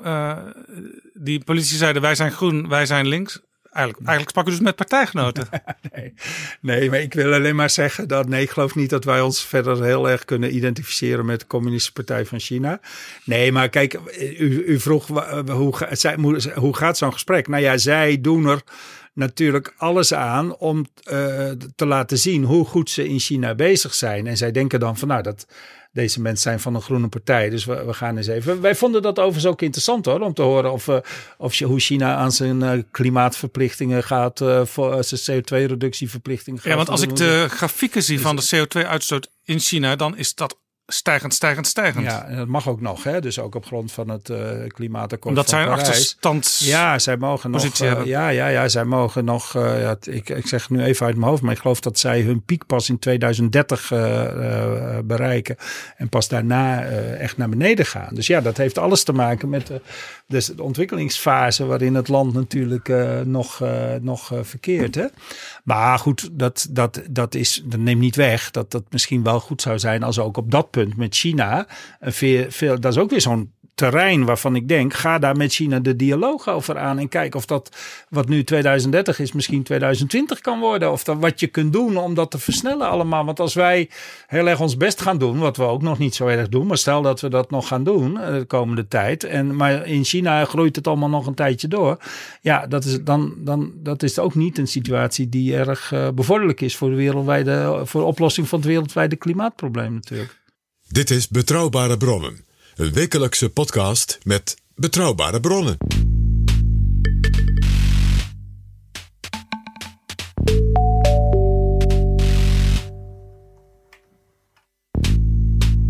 Ik praat met Bram van Ooyek, Tweede Kamerlid, over zijn reis naar China samen met GroenLinks-leider Jesse Klaver. Toen u aankwam in China, uh, wisten ze dat u van de grootste linkse oppositiepartij was. En uh, maakte ze dat ook duidelijk. Want ik ben wel eens met ministers geweest in, uh, in uh, verre landen. En daar hingen dan enorme spandoeken van Welcome Dear Excellency. En dan Oh, vaak ook ja. nog uh, tekeningen of foto's van de minister erbij. Werd u zo welkom geheten op het Oh, vliegveld? spandoek- Op het vliegveld? Nee, op het vliegveld zeker niet, nee. Nee, nou ja, wel, het is wel zo dat er is wel een soort cultuur van als je bijvoorbeeld een bedrijf bezoekt of als je, je wordt wel, ja, je, je wordt wel met veel egaars behandeld. Maar ik, ik kan me niet, geloof ik, spandoeken herinneren. Maar u waarop, kreeg eh, wel bloemen aangereikt en ja, dat, dat soort dingen. En, eh, ja, zeker hoor. En, eh, ja, ja, nee, dus het, het is wel. eh, ehm, eh, ja, ik, ik geloof ook wel dat dat oprecht is. Hè? De, mensen zeiden ook wel tegen ons van je moet er ook wel van uitgaan dat ze zich ook echt wel hebben afgevraagd van wie komen er eigenlijk. Dus dat ze hun huiswerk altijd goed doen. Dat hoor ik ook, hoorden we ook van diplomaten, niet per se van Nederland, maar ook hè, van andere landen die we hebben gesproken. Van, en van de VN en zo. Van, eh, het, het, het is allemaal, ze doen hun huiswerk heel erg goed. Dus het, ik denk wel dat ze misschien niet, ik weet niet of ze wisten dat wij de grootste linkse oppositiepartij waren, maar uh, ze wisten wel dat we in de peilingen inmiddels de tweede partij van Nederland zijn. Nee hoor, dat wisten ze ook. Maar ze, ze weten wel enigszins dat er in Nederland verschillende soorten partijen zijn. Ja, dat zeker wel. Ja, het punt is alleen dat ze niet per se van overtuigd zijn dat dat systeem uh, superieur is aan dat van hen. Kijk, en daar is die politieke dialoog zo belangrijk voor. En, en dus wat we, ze zien natuurlijk ook in Europa.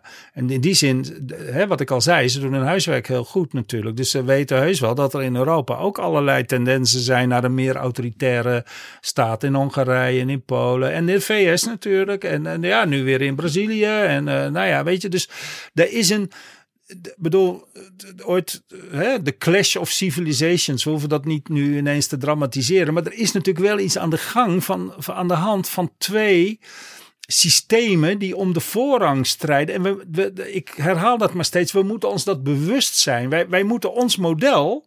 En ik vind ons model nog altijd superieur boven heel veel andere modellen. Als het gaat om pluriformiteit in de samenleving, om de kans van mensen om mee te praten, respect voor mensenrechten. We hebben allerlei kritiek op, op, ook op de regering en alles. Maar laten we wel wezen, we staan wel voor het soort van samenleving dat we proberen met vallen en opstaan op te bouwen. En als we ons dat niet voldoende bewust zijn, ook in gesprekken met China, dan zou wat we nu nog vanzelfsprekend vinden, misschien dat over vijf jaar niet meer zijn. En dat is de zorg waarom wij uh, uh, ook daarheen zijn gegaan. Overigens, Frits Bolkestein, die zei toen hij VVD-leider was, ook dat uh, ons westerse systeem superieur is. En daar kreeg hij onder andere van links toen veel kritiek op. Ja, dat, dat, zou, dat zou best kunnen. Ik, ik spreek niet namens heel links in ieder geval op dit punt. Ik spreek voor mezelf. Ik denk dat, uh, dat wat wij hier met vallen en opstaan opbouwen. Zeker in het licht van als je kijkt wat er nu om ons heen gebeurt. Dan bedoel ik dat heel ruim in de VS, in Brazilië, in Rusland. En in, maar ook in Polen, Hongarije en, en nou ja, misschien soms ook nog wat dichter bij huis. Dan moeten wij ons, uh, we moeten wij bereid zijn, geloof ik, om met alle kritiek die we hebben op uh, onze eigen samenleving, om toch die samenleving te verdedigen. En dat bedoel ik met superieur boven een systeem, zoals we dat bijvoorbeeld in China ziet, waar van individuele vrijheid geen sprake is, waar van politieke pluriformiteit geen sprake is, waar mensenrechten niet gewaarborgd zijn, dan durf ik best het woord superieur in mijn uh, uh, mond te nemen. Dat wil niet zeggen dat je hoe heet dat, met je neus uh, om, in de wind omhoog, met je hoofd in de wolken moet gaan lopen en zeggen: wat hebben we het hier allemaal fantastisch voor elkaar? Dat is iets anders. Hè? Dat, dat hebben we niet. Er is van alles op aan te merken. Maar ja, we, we hebben wel iets te verdedigen. En dat, daar gaat het denk ik uh, vooral om. Maar die Chinezen zelf, die spreken ook van uh, de Chinese methode, de Chinese aanpak. En die vinden ja, hun systeem zeker, superieur. Zeker, dat vinden ze ook. En, uh, en, en, en on, uh, mijn punt is, en ons punt vorige week was, dat we daarover dus het gesprek moeten aangaan. Wij moeten, wij moeten opkomen voor datgene wat wij belangrijk vinden. En dat zijn mensenrechten en pluriformiteit en, en, en, en de, meer, partij, hoe heet het, meer partijen democratie. Als we dat niet doen, Anderen doen het ook steeds minder, zal ik maar zeggen. Dus ja, dat is misschien een beetje de, de, het verschil in, met de tijd van Bolkestein. Uh, een aantal dingen die in het Vrije Westen vanzelfsprekend waren, die zijn in het Vrije Westen niet vanzelfsprekend meer. En als we ons dat niet bewust zijn in relaties met landen zoals China, maar er zijn er helaas veel meer zoals China dan, uh, um, uh, dan, dan, dan, dan missen we de, de, de boot, om het maar zo te zeggen. Dan, dan, dan onderschatten we de bedreiging waar ook onze eigen samenleving en wat we daarin dierbaar vinden, waar die aan blootstaat, waar die ons, ook, ook, ook onze eigen samenleving aan blootstaat. Veel mensen dachten in de tijd van de paarse kabinetten dat de geschiedenis voltooid was. Ja. Hè, dat uiteindelijk ja. de westerse democratie ja, zou, zou overwinnen en ook een voorbeeld zou zijn voor de rest van de wereld. Deze reis heeft u er dus opnieuw van overtuigd dat eigenlijk het tegendeel het geval is.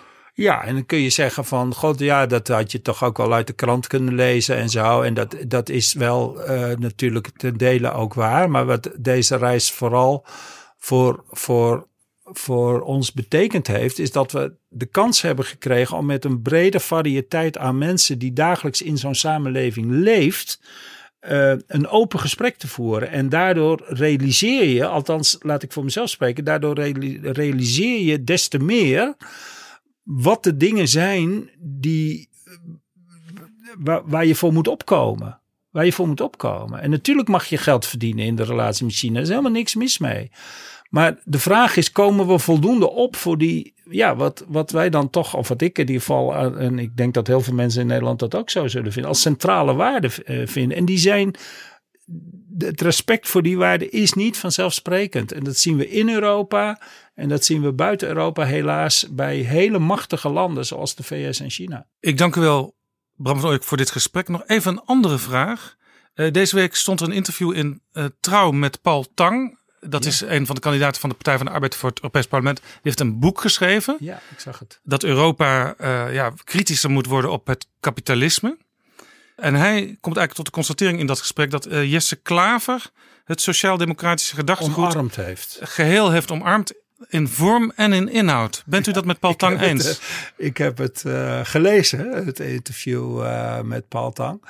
Uh, nee, dat, nou ja, kijk, nee, dat ben ik, dat geloof ik dat dat, dan rekent hij zichzelf denk ik toch een beetje uh, rijk. Het is ja, of hij zegt in feite neemt GroenLinks over het, waar nou, de Partij ja, van altijd voor Ik weet niet precies hoe, hoe hij het bedoelt uiteraard. Ik heb het ook gelezen, maar ik, ik denk dat uh, hij eh, dat het belangrijk is dat hij zelf heel goed definieert wat dat sociaal-democratische gedachtegoed eigenlijk is. Want ik denk dat daar steeds minder duidelijkheid over is, helaas. Um, en dat uh, waar GroenLinks voor staat, ja, op een aantal punten heel veel raakvlakken heeft met uh, ja, waar de Partij van de Arbeid voor staat. Als we dat dan even synoniem doen aan het sociaal-democratische gedachtegoed. Dat vindt hij juist niet, geloof ik. Hè? Hij zit heel kritisch over de Partij van de Arbeid. Uh, uh, uh, dacht ik, of niet? Of is dat niet zo? Ja, hij vindt, hij vindt ook dat Wim Kok zich te veel heeft ja, laten precies. meeslepen door ja. het neoliberalisme. Ja, ja. Ik, uh, kijk, GroenLinks heeft een heel eigen geschiedenis inmiddels. Die is niet zo lang als die van de Sociaaldemocratie, maar toch wel uh, zeker al 30 jaar ook. Hè? En uh, daarin hebben we natuurlijk bijvoorbeeld de ecologische kwestie. Uh, toch echt uh, en het, het, het, het, het, het kritisch nadenken over de arbeidsmarkt en de verzorgingsstaat en uh, de inkomensverdeling hebben we toch wel degelijk een aantal hele eigen accenten in gelegd en meer dan accenten. Dus ik, ik, ik, ik voel mezelf heel dicht bij de sociaaldemocratie staan. En ik denk dat dat voor Jesse Klaver ook geldt. Maar dat we het één op één hebben overgenomen, dat, dat eerlijk omarmd, zoals die zei. Hè? Uh, nou, daar zit nog wel wat uh, verschil tussen. In de vorige aflevering van Betrouwbare Bronnen, uh, aflevering 9, had ik een gesprek met Joop van den Berg, uh, de oude ideoloog van de Partij van de Arbeid, die eigenlijk met een heel somber beeld over zijn eigen partij kwam. Hij zei: de sociaaldemocratie had altijd als grote opdracht om de arbeidersklasse van Nederland te verenigen met de hogere middenklasse. En daar slaagt de Partij van de Arbeid al een tijdje niet in. En als dat zo blijft, als de Partij van daar maar niet in slaagt, dan is eigenlijk de bestaansgrond voor die partij die, die is ontvallen. Maar hij zei erbij, ook de SP en GroenLinks die slagen er niet in om al die groepen met elkaar te verbinden. Nou, dat is inderdaad uh, super moeilijk. Een van de uh, zaken die uh, Jesse Klaver eigenlijk vanaf zijn aantreden in 2015 als ambitie heeft geformuleerd, is om van GroenLinks een brede volkspartij te maken. Omdat wij weliswaar heel erg zijn gegroeid de afgelopen jaren. Maar inderdaad, dat is een feit. Uh, vooral zijn gegroeid in de wat, uh, ja, zeg maar wat. Uh, bij studenten en mensen met een, met een goede opleiding en vaak ook een goede baan het lukt met vallen en opstaan om die basis te verbreden. Maar dat is niet makkelijk. In die zin is de, is de samenleving weliswaar uh, ontzuild geraakt, maar niet minder gepolariseerd. En er wordt vaak gesproken over iedereen leeft in zijn eigen bubbel. Hè? Um, nou ja, dus er is een soort nieuwe vorm van uh, herzuiling ontstaan, denk ik. Waardoor het voor partijen, of dat nou de Sociaaldemocraten zijn uh, of, of de GroenLinksers niet makkelijker op is geworden om mensen met elkaar te verenigen. Hoewel ze vaak hele vergelijkbare belangen hebben. Bijvoorbeeld mensen die in de publieke sector werken. Ja, en u zegt dus wel, eigenlijk met Joop van den Berg, het is voor partijen, of het nou Partij van de Arbeid is of GroenLinks, ja. wel ook een opdracht om te proberen die groepen bij elkaar te brengen. Ja, en ik zou zeggen niet exclusief voor de Partij van de Arbeid. Dus als je je bestaansrecht alleen zou moeten, maar goed, dat laat ik graag voor de verantwoordelijkheid van Joop van den Berg als je bestaansrecht er alleen maar uit zou bestaan dat je die twee groepen met elkaar kunt verbinden, ja, dan is je toekomst uh, uiterst onzeker, uh, zou ik zeggen. Maar ja, de, ik vind dat ook een beetje een beperkte definitie van het bestaansrecht van een partij. Ik bedoel, wij willen ook graag een brede volkspartij zijn, maar ons bestaansrecht zit ook in de inhoudelijke agenda die we hebben, in de accenten die we daar binnen leggen, in de strijd die we in gemeentes en uh, hier en overal voeren om ons programma gerealiseerd te krijgen. Ik bedoel, een partij heeft veel meer functies dan alleen maar het verbinden van bepaalde groepen. Helemaal tot slot. Ik spreek zo in betrouwbare bronnen met Seth Berkeley. Hij is CEO van uh, Gavi. Dat is een uh, vaccinatiealliantie die wereldwijd probeert uh, vaccinaties bij de mensen te brengen die het, die het hardst nodig hebben. u heeft een aantal jaar geleden samen met een aantal collega-Kamerleden een motie ingediend om zijn werk, daar komt het eigenlijk op neer, ook te bevorderen. Ja. Dus een interessante man Zeker, die, die een, zijn, zijn, uh, zijn alliantie, hè, waarin die ook bedrijf, hè, hij, hij heeft eigenlijk op allerlei, hij niet persoonlijk, maar ik bedoel zijn club heeft op, heeft, is op een aantal punten heel vernieuwend geweest. Met name dat ze uit heel veel verschillende hoeken en gaten van de samenleving geld hebben gehaald. Oorspronkelijk heel erg gericht op aidsbestrijding, maar, uh, maar, maar nu uh, breder. En uh, dat is, dus dat was nieuw. En wat ook nieuw was, was dat ze een heel gerichte, gefocuste agenda hadden. En daar dus ook, uh, want het, het, is zeker niet zo dat HIV-AIDS bijvoorbeeld nu uh, de problematiek tot het verleden behoort. Maar het is wel in, in verreweg de meeste landen op een goede manier onder controle ge, gekomen. En dat is een gigantische prestatie. En daar kijken we vaak niet meer op terug. Weet je, dat vinden we nu alweer vanzelfsprekend. Maar tien jaar geleden was dat, zeker in een aantal Afrikaanse landen, was dat een epidemie die de samenleving totaal ontwrichtte. En dat is tot staan gebracht. En daar heeft deze uh, alliantie, want dat is het, Gavi, Alliance, de A staat voor Alliance, heeft daar een, een belangrijke rol in gespeeld. Ik ga met hem praten. Nogmaals, Bram van Ooyek, hartelijk dank voor dit gesprek. Graag gedaan. Dit is Jaap Jansen met Betrouwbare Bronnen.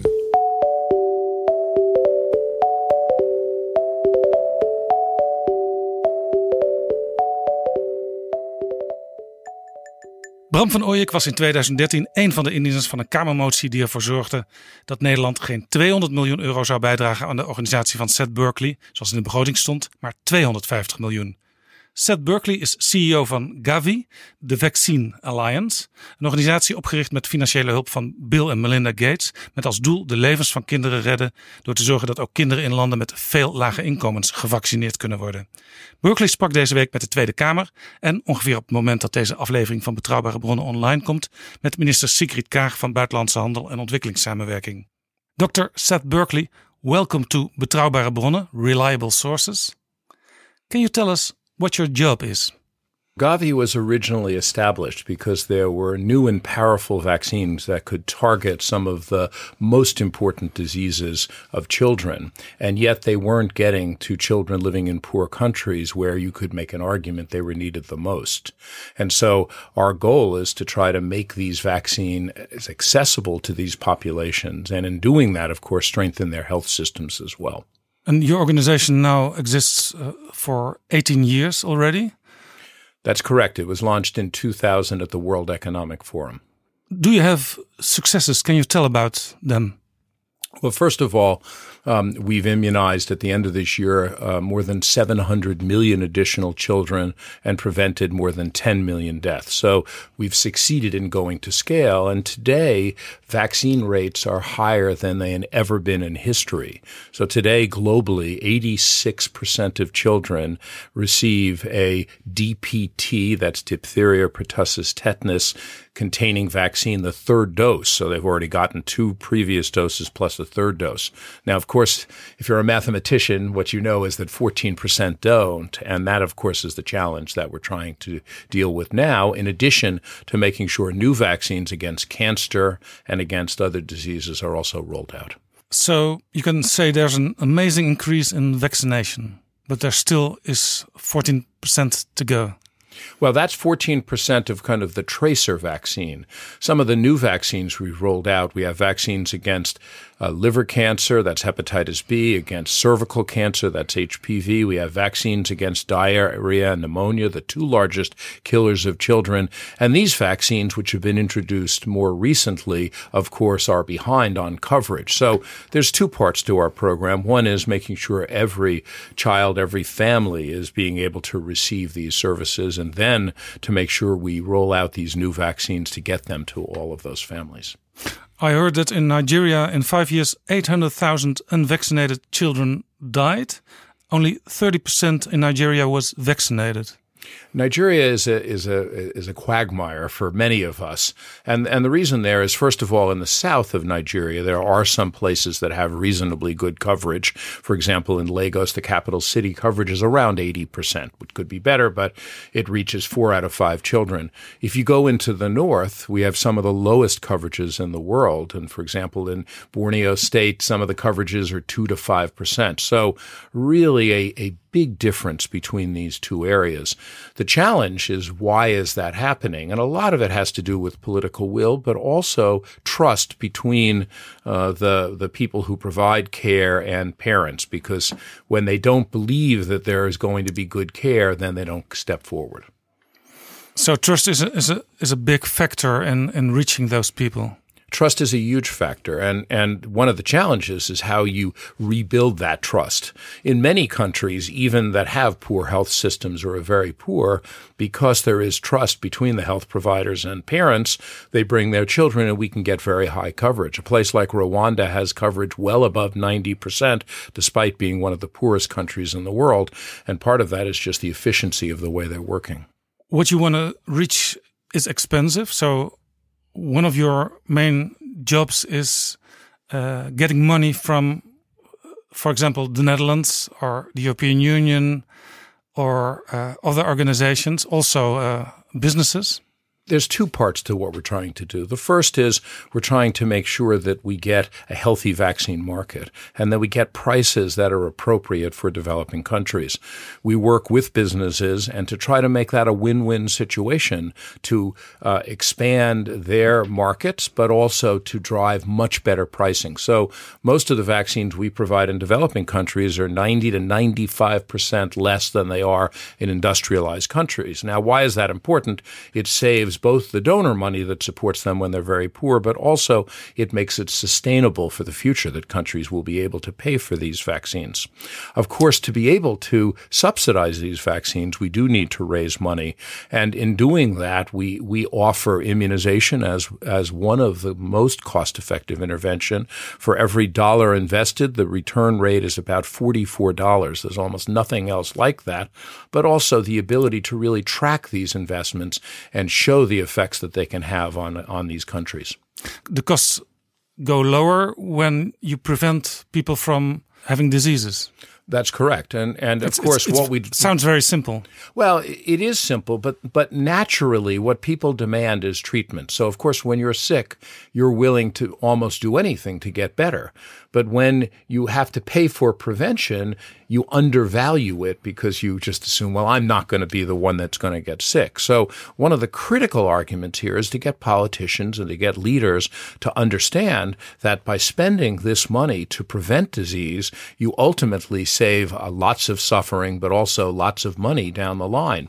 This is one of the most important principles of kind of allocative efficiency, and that is to make sure that even if you have limited amount of money, it's even more important to focus it on the most cost effective interventions, not the least. Yeah, what's the thing uh, you stress the most when you talk with politicians? Well, of course, everybody understands vaccines, and nobody wants their children to, to die or to be permanently disabled from these diseases. So there is an emotional tinge to be able to say this is really important to your next generation. But then it really is about dollars and cents to basically say if you want to be able to afford health care down the line, what you need to do is make sure you prevent these diseases now. Yeah, so you you have to try to get a, a bigger piece of the budget from all those countries and from all those organizations. That's So, so let me give an example. I mean, um, sometimes it's purely there's not enough money. We were talking about Nigeria a minute ago. Um, in Nigeria, 86% of the health budget is being used to pay salaries. So there's not a lot of money to pay for other health interventions. A place like Republic of Congo was very interesting. 85% of their health expenditures were being used in tertiary care facilities. And I met with the president and had basically a little bit of an argument with him where I said, you know, you know, yes, it's important to be able to have hospitals for your population, but you have to provide primary health care for where most of the citizens are. And luckily, he ultimately changed that policy and reduced the amount going to hospitals slightly, increased the amount going to primary health care, which will have a much bigger effect on the health of the population than the way finances are being spent. Those So- are the types of discussions we have. So in a way, you you were saying to to him, um, small is is is beautiful because the things you do start very small. Well, they start small in one sense. They're they're inexpensive comparatively. On the other hand, they're large because they serve the whole population. Our goal ultimately is to have 100% of children immunized, and that's very different. You hope that people aren't going to get sick and need to use a hospital or a sophisticated facility, and the more you can keep people healthy, the less people have to use it. So this is really about getting to everyone with the interventions that matter. So that that that must also be the reason uh, that businesses like Philips, uh, Unilever, Vodafone give money too to your organization. The challenge for us is now we've done the easy part. We've gotten this these vaccines out to most of the populations. The, the children that are remaining are living in urban slums or they're stigmatized populations or they're living in isolated areas. And what we need is better technology to identify, to track, and be able to supply these children. And so for us, we go to the place that has the best innovation, which is industry. Now, mostly we can't just take something off the shelf and use it here. So what we do is we get into a relationship with the company to say, here's the challenge we have. Can you help us solve it? Um, this doesn't have to be charity. Of course, we always welcome charity, but we can turn this into a business relationship. The challenge is to make sure that whatever intervention they do is targeted to the problem at hand, is affordable and usable in these types of settings. And that's the, uh, the, the contract that we end up working with these companies. So, in a way, you can also think a little bit with those companies in a commercial special way. Absolutely, and not a little bit. I mean, it's an important part. Is ultimately this is should be a win-win strategy. Otherwise, it's not sustainable. And I must say, the Dutch government has been fabulous here because, as part of their support for Gavi, they have reached out with innovative financing mechanisms. Um, I can describe a few of them, but one of them was to provide matching funds. So, if industry wants to engage with us on these types of issues, it, it puts a little sweetener in there so that it makes more sense for the companies to get engaged because there is a little bit of a learning curve that makes it not as efficient when they start, and this helps make that move forward. Yeah, nowadays our our Dutch uh, Minister for Development Aid is also a Minister of International Trade, and in the past there was a debate: is it ethical okay to combine those two things, uh, international trade? and development aid. Nowadays in Holland, they think, well, that's a good thing to combine it. Do you think that's that's that's right? Of course, the critical question answer there is there is going to be trade that is going to be directed at just high priced markets and you know maximizing you know uh, making money.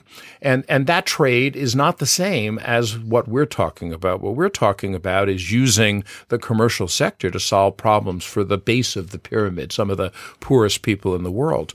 But what's exciting about that is when you introduce technology and companies into that space, then they develop new markets that will grow in the future. Now, if you look at Africa, for example, these are some of the fastest growing markets in the world. Of course, they're growing from very low bases, so they're not going to be high priced markets, but these are markets of the future. And so you know, companies that are really smart see that and they say that we want to enter these markets. And if you can help us enter sensibly, then this is something that makes sense for us over the, you know, medium to longer term. Of course, not for short term profits. Yeah, I once was in, in, Africa and I saw that the Dutch Heineken company was also providing uh, healthcare for all their people and, and all the families of their people. So that's that's also a way to do it. Yes, and in, in that case, you have companies that are trying to show their social responsibility and spread that to others. What we're talking about here, though, is trying to take things to scale we purchase vaccines for 60% of the world's children. And so we're having about 300 million encounters with families a year. If you add campaigns, it goes up to about half a billion contacts. So we're not interested in little pilots. What we're interested in is how do you crack these problems and do it at scale? And if we can do that, we change so many lives. Dit is Betrouwbare Bronnen met Jaap Jansen. Ik praat met Seth Berkeley, CEO van Gavi. Can you reach all the countries in the world you want to reach? So, in general, there are some countries that are easier to reach than others. The, the challenge, the, the biggest challenge we have in a geopolitical sense relates to fragility. So, you have countries that are, you know, doing okay, and then uh, they have a coup d'etat or they have a, a war. And of course, that changes dramatically the dynamics. For example, we've been working in Yemen for a long time. In the current situation, of course, it becomes that much more difficulty. Now, the good news is vaccination is one of the few services that can be continued in those circumstances. Or in Syria recently, we worked to try to help uh, prop up the vaccine system um, because it had it had deteriorated so much. But of of course, these are very, very difficult places to work. And what's necessary is peace in those places. Yeah. One of the things in talking about Yemen is that uh, Saudi Arabia is intervening over there. and Saudi Arabia is also one of the donors of your organization.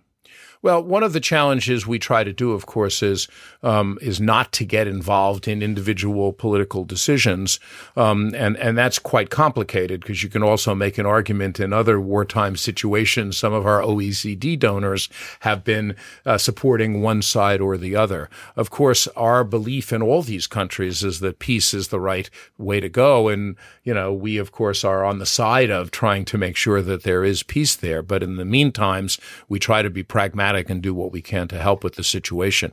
That's important for the countries, but it's also important from a global health security point of view because when you have an epidemic in one place today, I often have, you know, dinner in Nairobi, lunch in London, and, uh, you know, dinner back in New York within the one infectious disease cycle. And so you see people are moving around. One billion people spend a day outside of their country a year in the world now. So when we have an outbreak anywhere in the world, it threatens the rest of the world, which is why it can be to, on the other side of the world in 38 hours. That's correct. And, and, and that can be within the cycle of a normal infectious disease incubation period. So we have to stop thinking these are not things you can stop by putting a wall up or by trying to restrict movement of immigrants, etc. What we have to start thinking about is really the health of a planet.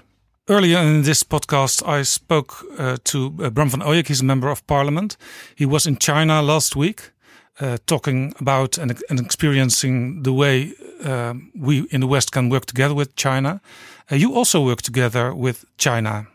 Can you tell us a little bit about that? Well, China's been a very interesting story. Our first um, uh, experience with China related to a terrible disease there. They had 352,000 deaths a year from liver cancer. This was related to transmission of hepatitis B from mother to child. About 10% of children had hepatitis B, and they would go on, a, a subset of them, to develop liver cancer. We worked with the Chinese government to roll out hepatitis B vaccine in the west of China and proved that you could get to very high levels of coverage and stop this transmission. Today, there's less than 1% of children in China with hepatitis B. And what we're seeing now is that disease of liver cancer disappearing. After that work in China, they then went on to become a donor and eventually to produce their first pre qualified vaccine for Gavi, which is a Japanese encephalitis vaccine.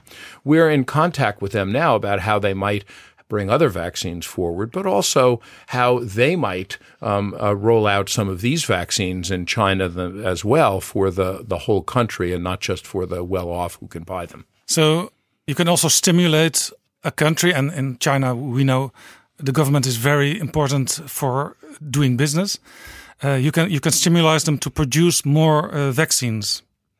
So that's what we want to do. Of course, China is far now from being Gavi eligible. We're not going to support them anymore as a much uh, better off country. But if we can get them to produce vaccine for other countries and particularly if we can get them to increase the quality of vaccines such that they're uh, certified by the World Health Organization. We call that pre qualification.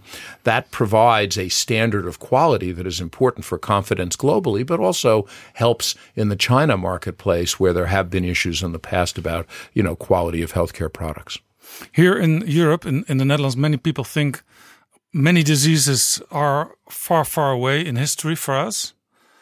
But on the other hand, we travel more and more. So maybe paradise is not yet here. Well, first of all, um, it is correct. If you one of the problems with vaccines is that if you have very high coverage, you, the diseases disappear, and then what happens is people forget how bad the diseases are, and they say, "Well, you know, I don't have to worry about them anymore." Or even if I get these diseases, you know, we're a wealthy country, we have good healthcare systems, and it's not at risk. But of course, that's not true. So it is true that if you're well nourished and you're healthy and a good immune system, that you may have a good outcome with these diseases, but some of them have side effects in rare cases where they'll kill somebody no matter what the conditions are. And that, of course, is tragic. So this is one of the processes we have to do is to make sure that people remember how bad these diseases can be. And as you say, when Dutch people travel to other countries, they put themselves at risk. Um, but also, people will come to the Netherlands. So even if you never travel, you potentially are at risk from these diseases, which is why everybody needs to be immunized. Last week there was a, a Volkskrant magazine story about um, vaccinating yes or no. How do you see those articles? It's it's a it's a big story. It's a big story about shall I uh, vaccinate my child? Yes or no? In in the West. Well, of course, um, as we just talked about, um, the answer certainly should be yes. I mean, the thing we know about vaccines is that they are incredibly safe. Of course, anything you do has potential side effects, but the side effects of, of getting the disease are so, so much higher than they would be of getting vaccines. And that really is critical. Now, one of the challenges we have is that misinformation can spread on the internet at the speed of light. And so what happens is parents can read things that aren't truthful. And this is where trust in government and trust in institutions is so important. And when you're searching on the internet for information about some diseases, you not only see the official information, but also the the misinformation. Yeah. And and one of the challenges is that cleverly some of the misinformation is is labeled is branded as uh, you know official information. They use official sounding names, institutions and you know uh, global sounding names to make them sound official and the average parent doesn't know the difference necessarily between going to a site that has real information and one that doesn't. And this is one of the challenges. We need to go back to a world where there are some trusted people whether it's it's your pediatrician or whether it's the Infectious Disease Society or whether it's the uh, government healthcare or the, the European CDC, but places that have scientists and then people can understand that this is validated science and not uh, somebody making up a rumor. In Holland, there are still people uh, thinking we don't have to have our children vaccinated because of religious reasons. Our Prime Minister, Mark Rutte, in August called parents uh, to get their children vaccinated. But the Prime Minister also said we don't want a national obligation. Do you think a national obligation obligation would be better? Uh, it's not for me to have an opinion on on what the Netherlands should do in terms of their laws, but I think what's important to understand is, you know, there's two issues here. One is parents have a right to take care of their children, but of course, if they don't know the risks, and then their children get sick or die, I mean, that child then has had something bad happen to it because the parents weren't well educated. So one of the questions is, is it really an informed decision? The second issue, and this is the more complicated one, is that even if a person's informed on their own children, today you have many children who might have had cancer or have an immune problem, and vaccines may not take in those children. So if you have children in the community in the schools that haven't been vaccinated, they could kill another child with a disease who can't take advantage of vaccines. So we count on having enough children vaccinated, so-called herd immunity, to stop transmitting of these diseases. It not only protects that child, but it protects other children who can't get vaccinated. And this really is one of the challenges. And in places that do mandate vaccines, it's really because they want to see that protection for all children. So I understand uh, your words. It's better to, to become aware of all the trouble you can have uh, when your child isn't vaccinated. Uh, and I also understand uh, you are not the one to advise the Dutch government of uh, having a, a, national obligation, but in your mind you think, well, it, maybe it would be, would be better to have an obligation. Well, I think what's important. You, you started talking about religion before. If you if you look at the teachings of religion, protection of the children is is written in almost every holy book, whether it be the Bible or the Quran or others. It is seen as a sacred right. It's the next generation. It's society's, um, you know, of, of, of huge importance to society. And so, by vaccinating, you are doing that. So, I don't buy this issue of from a religious point of view. Now, you know, again, there's misinformation about religious beliefs and you know and, and interpretations of of documents. But in general, that's not been the case. And I think each government has to make a decision based upon uh, the culture of that country as well as the science behind it. But certainly, science supports vaccination. Everything you tell me is sounds very reasonable. Do do you have tricks to get, for example, leaders of governments to give you some more money than they originally intended to give you? Well, one of the most important things I think about about trying to help the world is showing results. So one of the nice things, and by the way, we're lucky because you vaccinate or you don't, you prevent a disease or you don't. So it's it's really measurable. There are many other important development priorities, let's say good governance, that are very hard to measure. And so it makes it much harder. Not to say they're less important, but they're hard to measure. So one thing that we have in our advantage is we can show the results, which helps at a time of, let's say, fiscal constraint. Governments say, well, how do I know that my money is making a difference? And how can I tell my taxpayers that that money is making a difference? And in that sense, we can really be very helpful. The other side, of course, is that, you know, if you don't support this type of activity, you then see outbreaks of disease. And these have huge costs. So if you remember the West African Ebola outbreak, you know, that in that case, we didn't have an Ebola vaccine. Now we do. And Gavi is making it available in DRC as we speak. But, you know, when you have an outbreak like that, it costs a fortune. It sets back development hugely. So this, in essence, is a very good investment to help countries continue to grow and get better. So these are the arguments we use to uh, get governments to support Gavi. Yeah, your your aim is to to reach as many uh, children as possible in the world. Uh, I read a strange thing um, in Rwanda talking about cervical cancer. Uh, more than 93% of the teenage girls is vaccinated against cervical cancer. Highest coverage in the world. Yeah. But in some of the richest countries of the world, it's only 30%. How come? Yes, that's a that's a very difficult question. Of course, I could ask the same question. Part of it is that, um, first of all, in Rwanda, cervical cancer is one of the largest killers of women, and in fact, in Africa, it's the first or second largest cancer killer of women. So and, it must be a priority. And so people know about it. It's a terrible disease in these places because people come to the doctor at end stage. They don't know they have it, and then they come in and it's too late, and they die a painful, horrible death because there's no treatment at that point. So that's why it's a priority in those places. But the second issue is that sometimes in the West, people get confused. They start discussing this as a sexually transmitted disease, and then it gets connected to, well, do we want to talk about sex or do we want to encourage people to have sex? That's that's the same it was with the HIV virus in, That- that- in the first that's years. correct. That's correct. And so when we work in developing countries, we talk about this as a cancer vaccine, and it's being given before girls are sexually active. And so we don't discuss this as a sexually transmitted disease. We talk about being able to prevent cancer,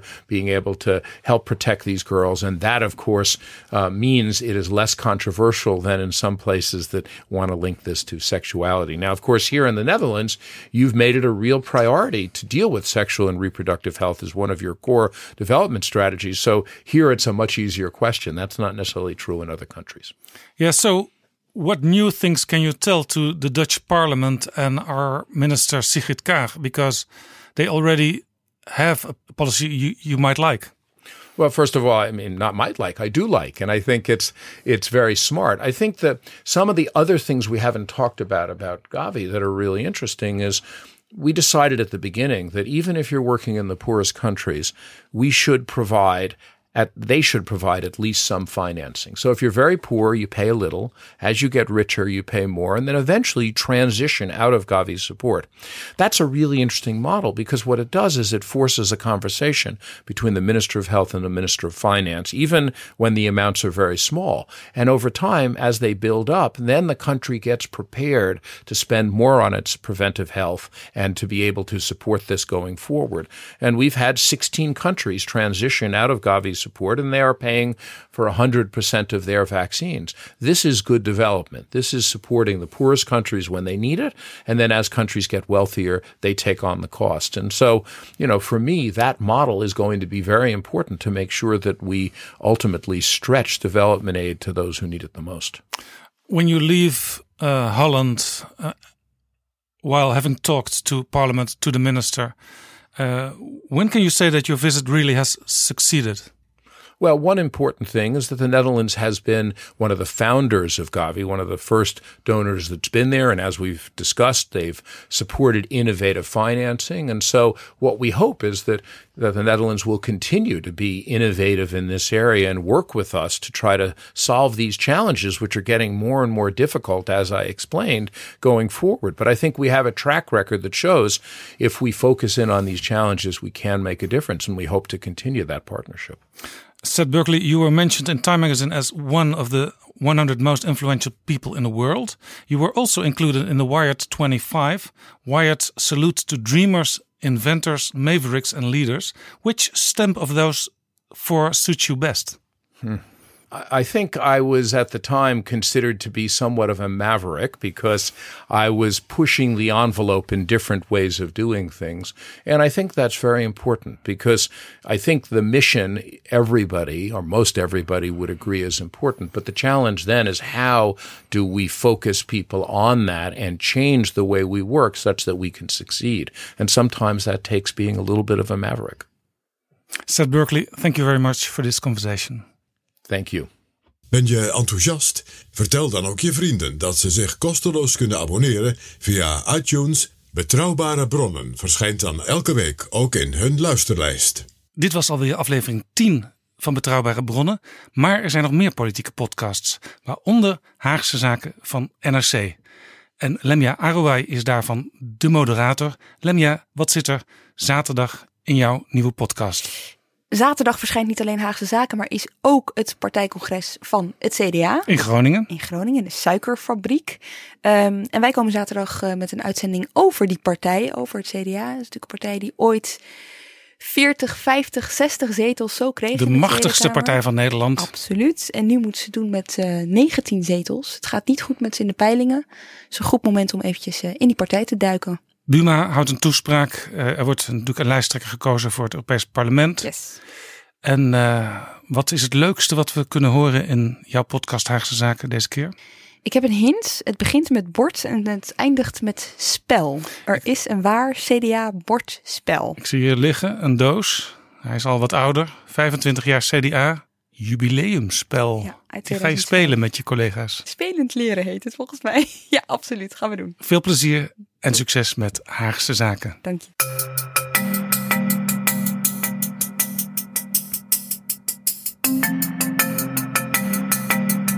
Voor Betrouwbare Bronnen aflevering 10 dank ik Seth Berkeley, Bram van Ooyek en PG Kroeger. Ik ben benieuwd wat je van deze podcast vond. Laat het me weten via Twitter bij apenstaart Jaap Jansen. En op Pieter Gerrit kun je reageren via apenstaart PG Kroeger. Daarnaast kun je mailen. Dat adres is betrouwbare bronnen apenstaartdagennacht.nl. Dus betrouwbare bronnen apenstaartdagennacht.nl. Vertel aan iedereen die je kent die in politiek geïnteresseerd is dat Betrouwbare Bronnen bestaat. Spread the word. Volgende week zijn we er weer. Dankjewel voor het luisteren. Tot volgende week en voor nu, moedig voorwaarts. Betrouwbare bronnen wordt gemaakt door Jaap Jansen in samenwerking met dag en nacht.nl.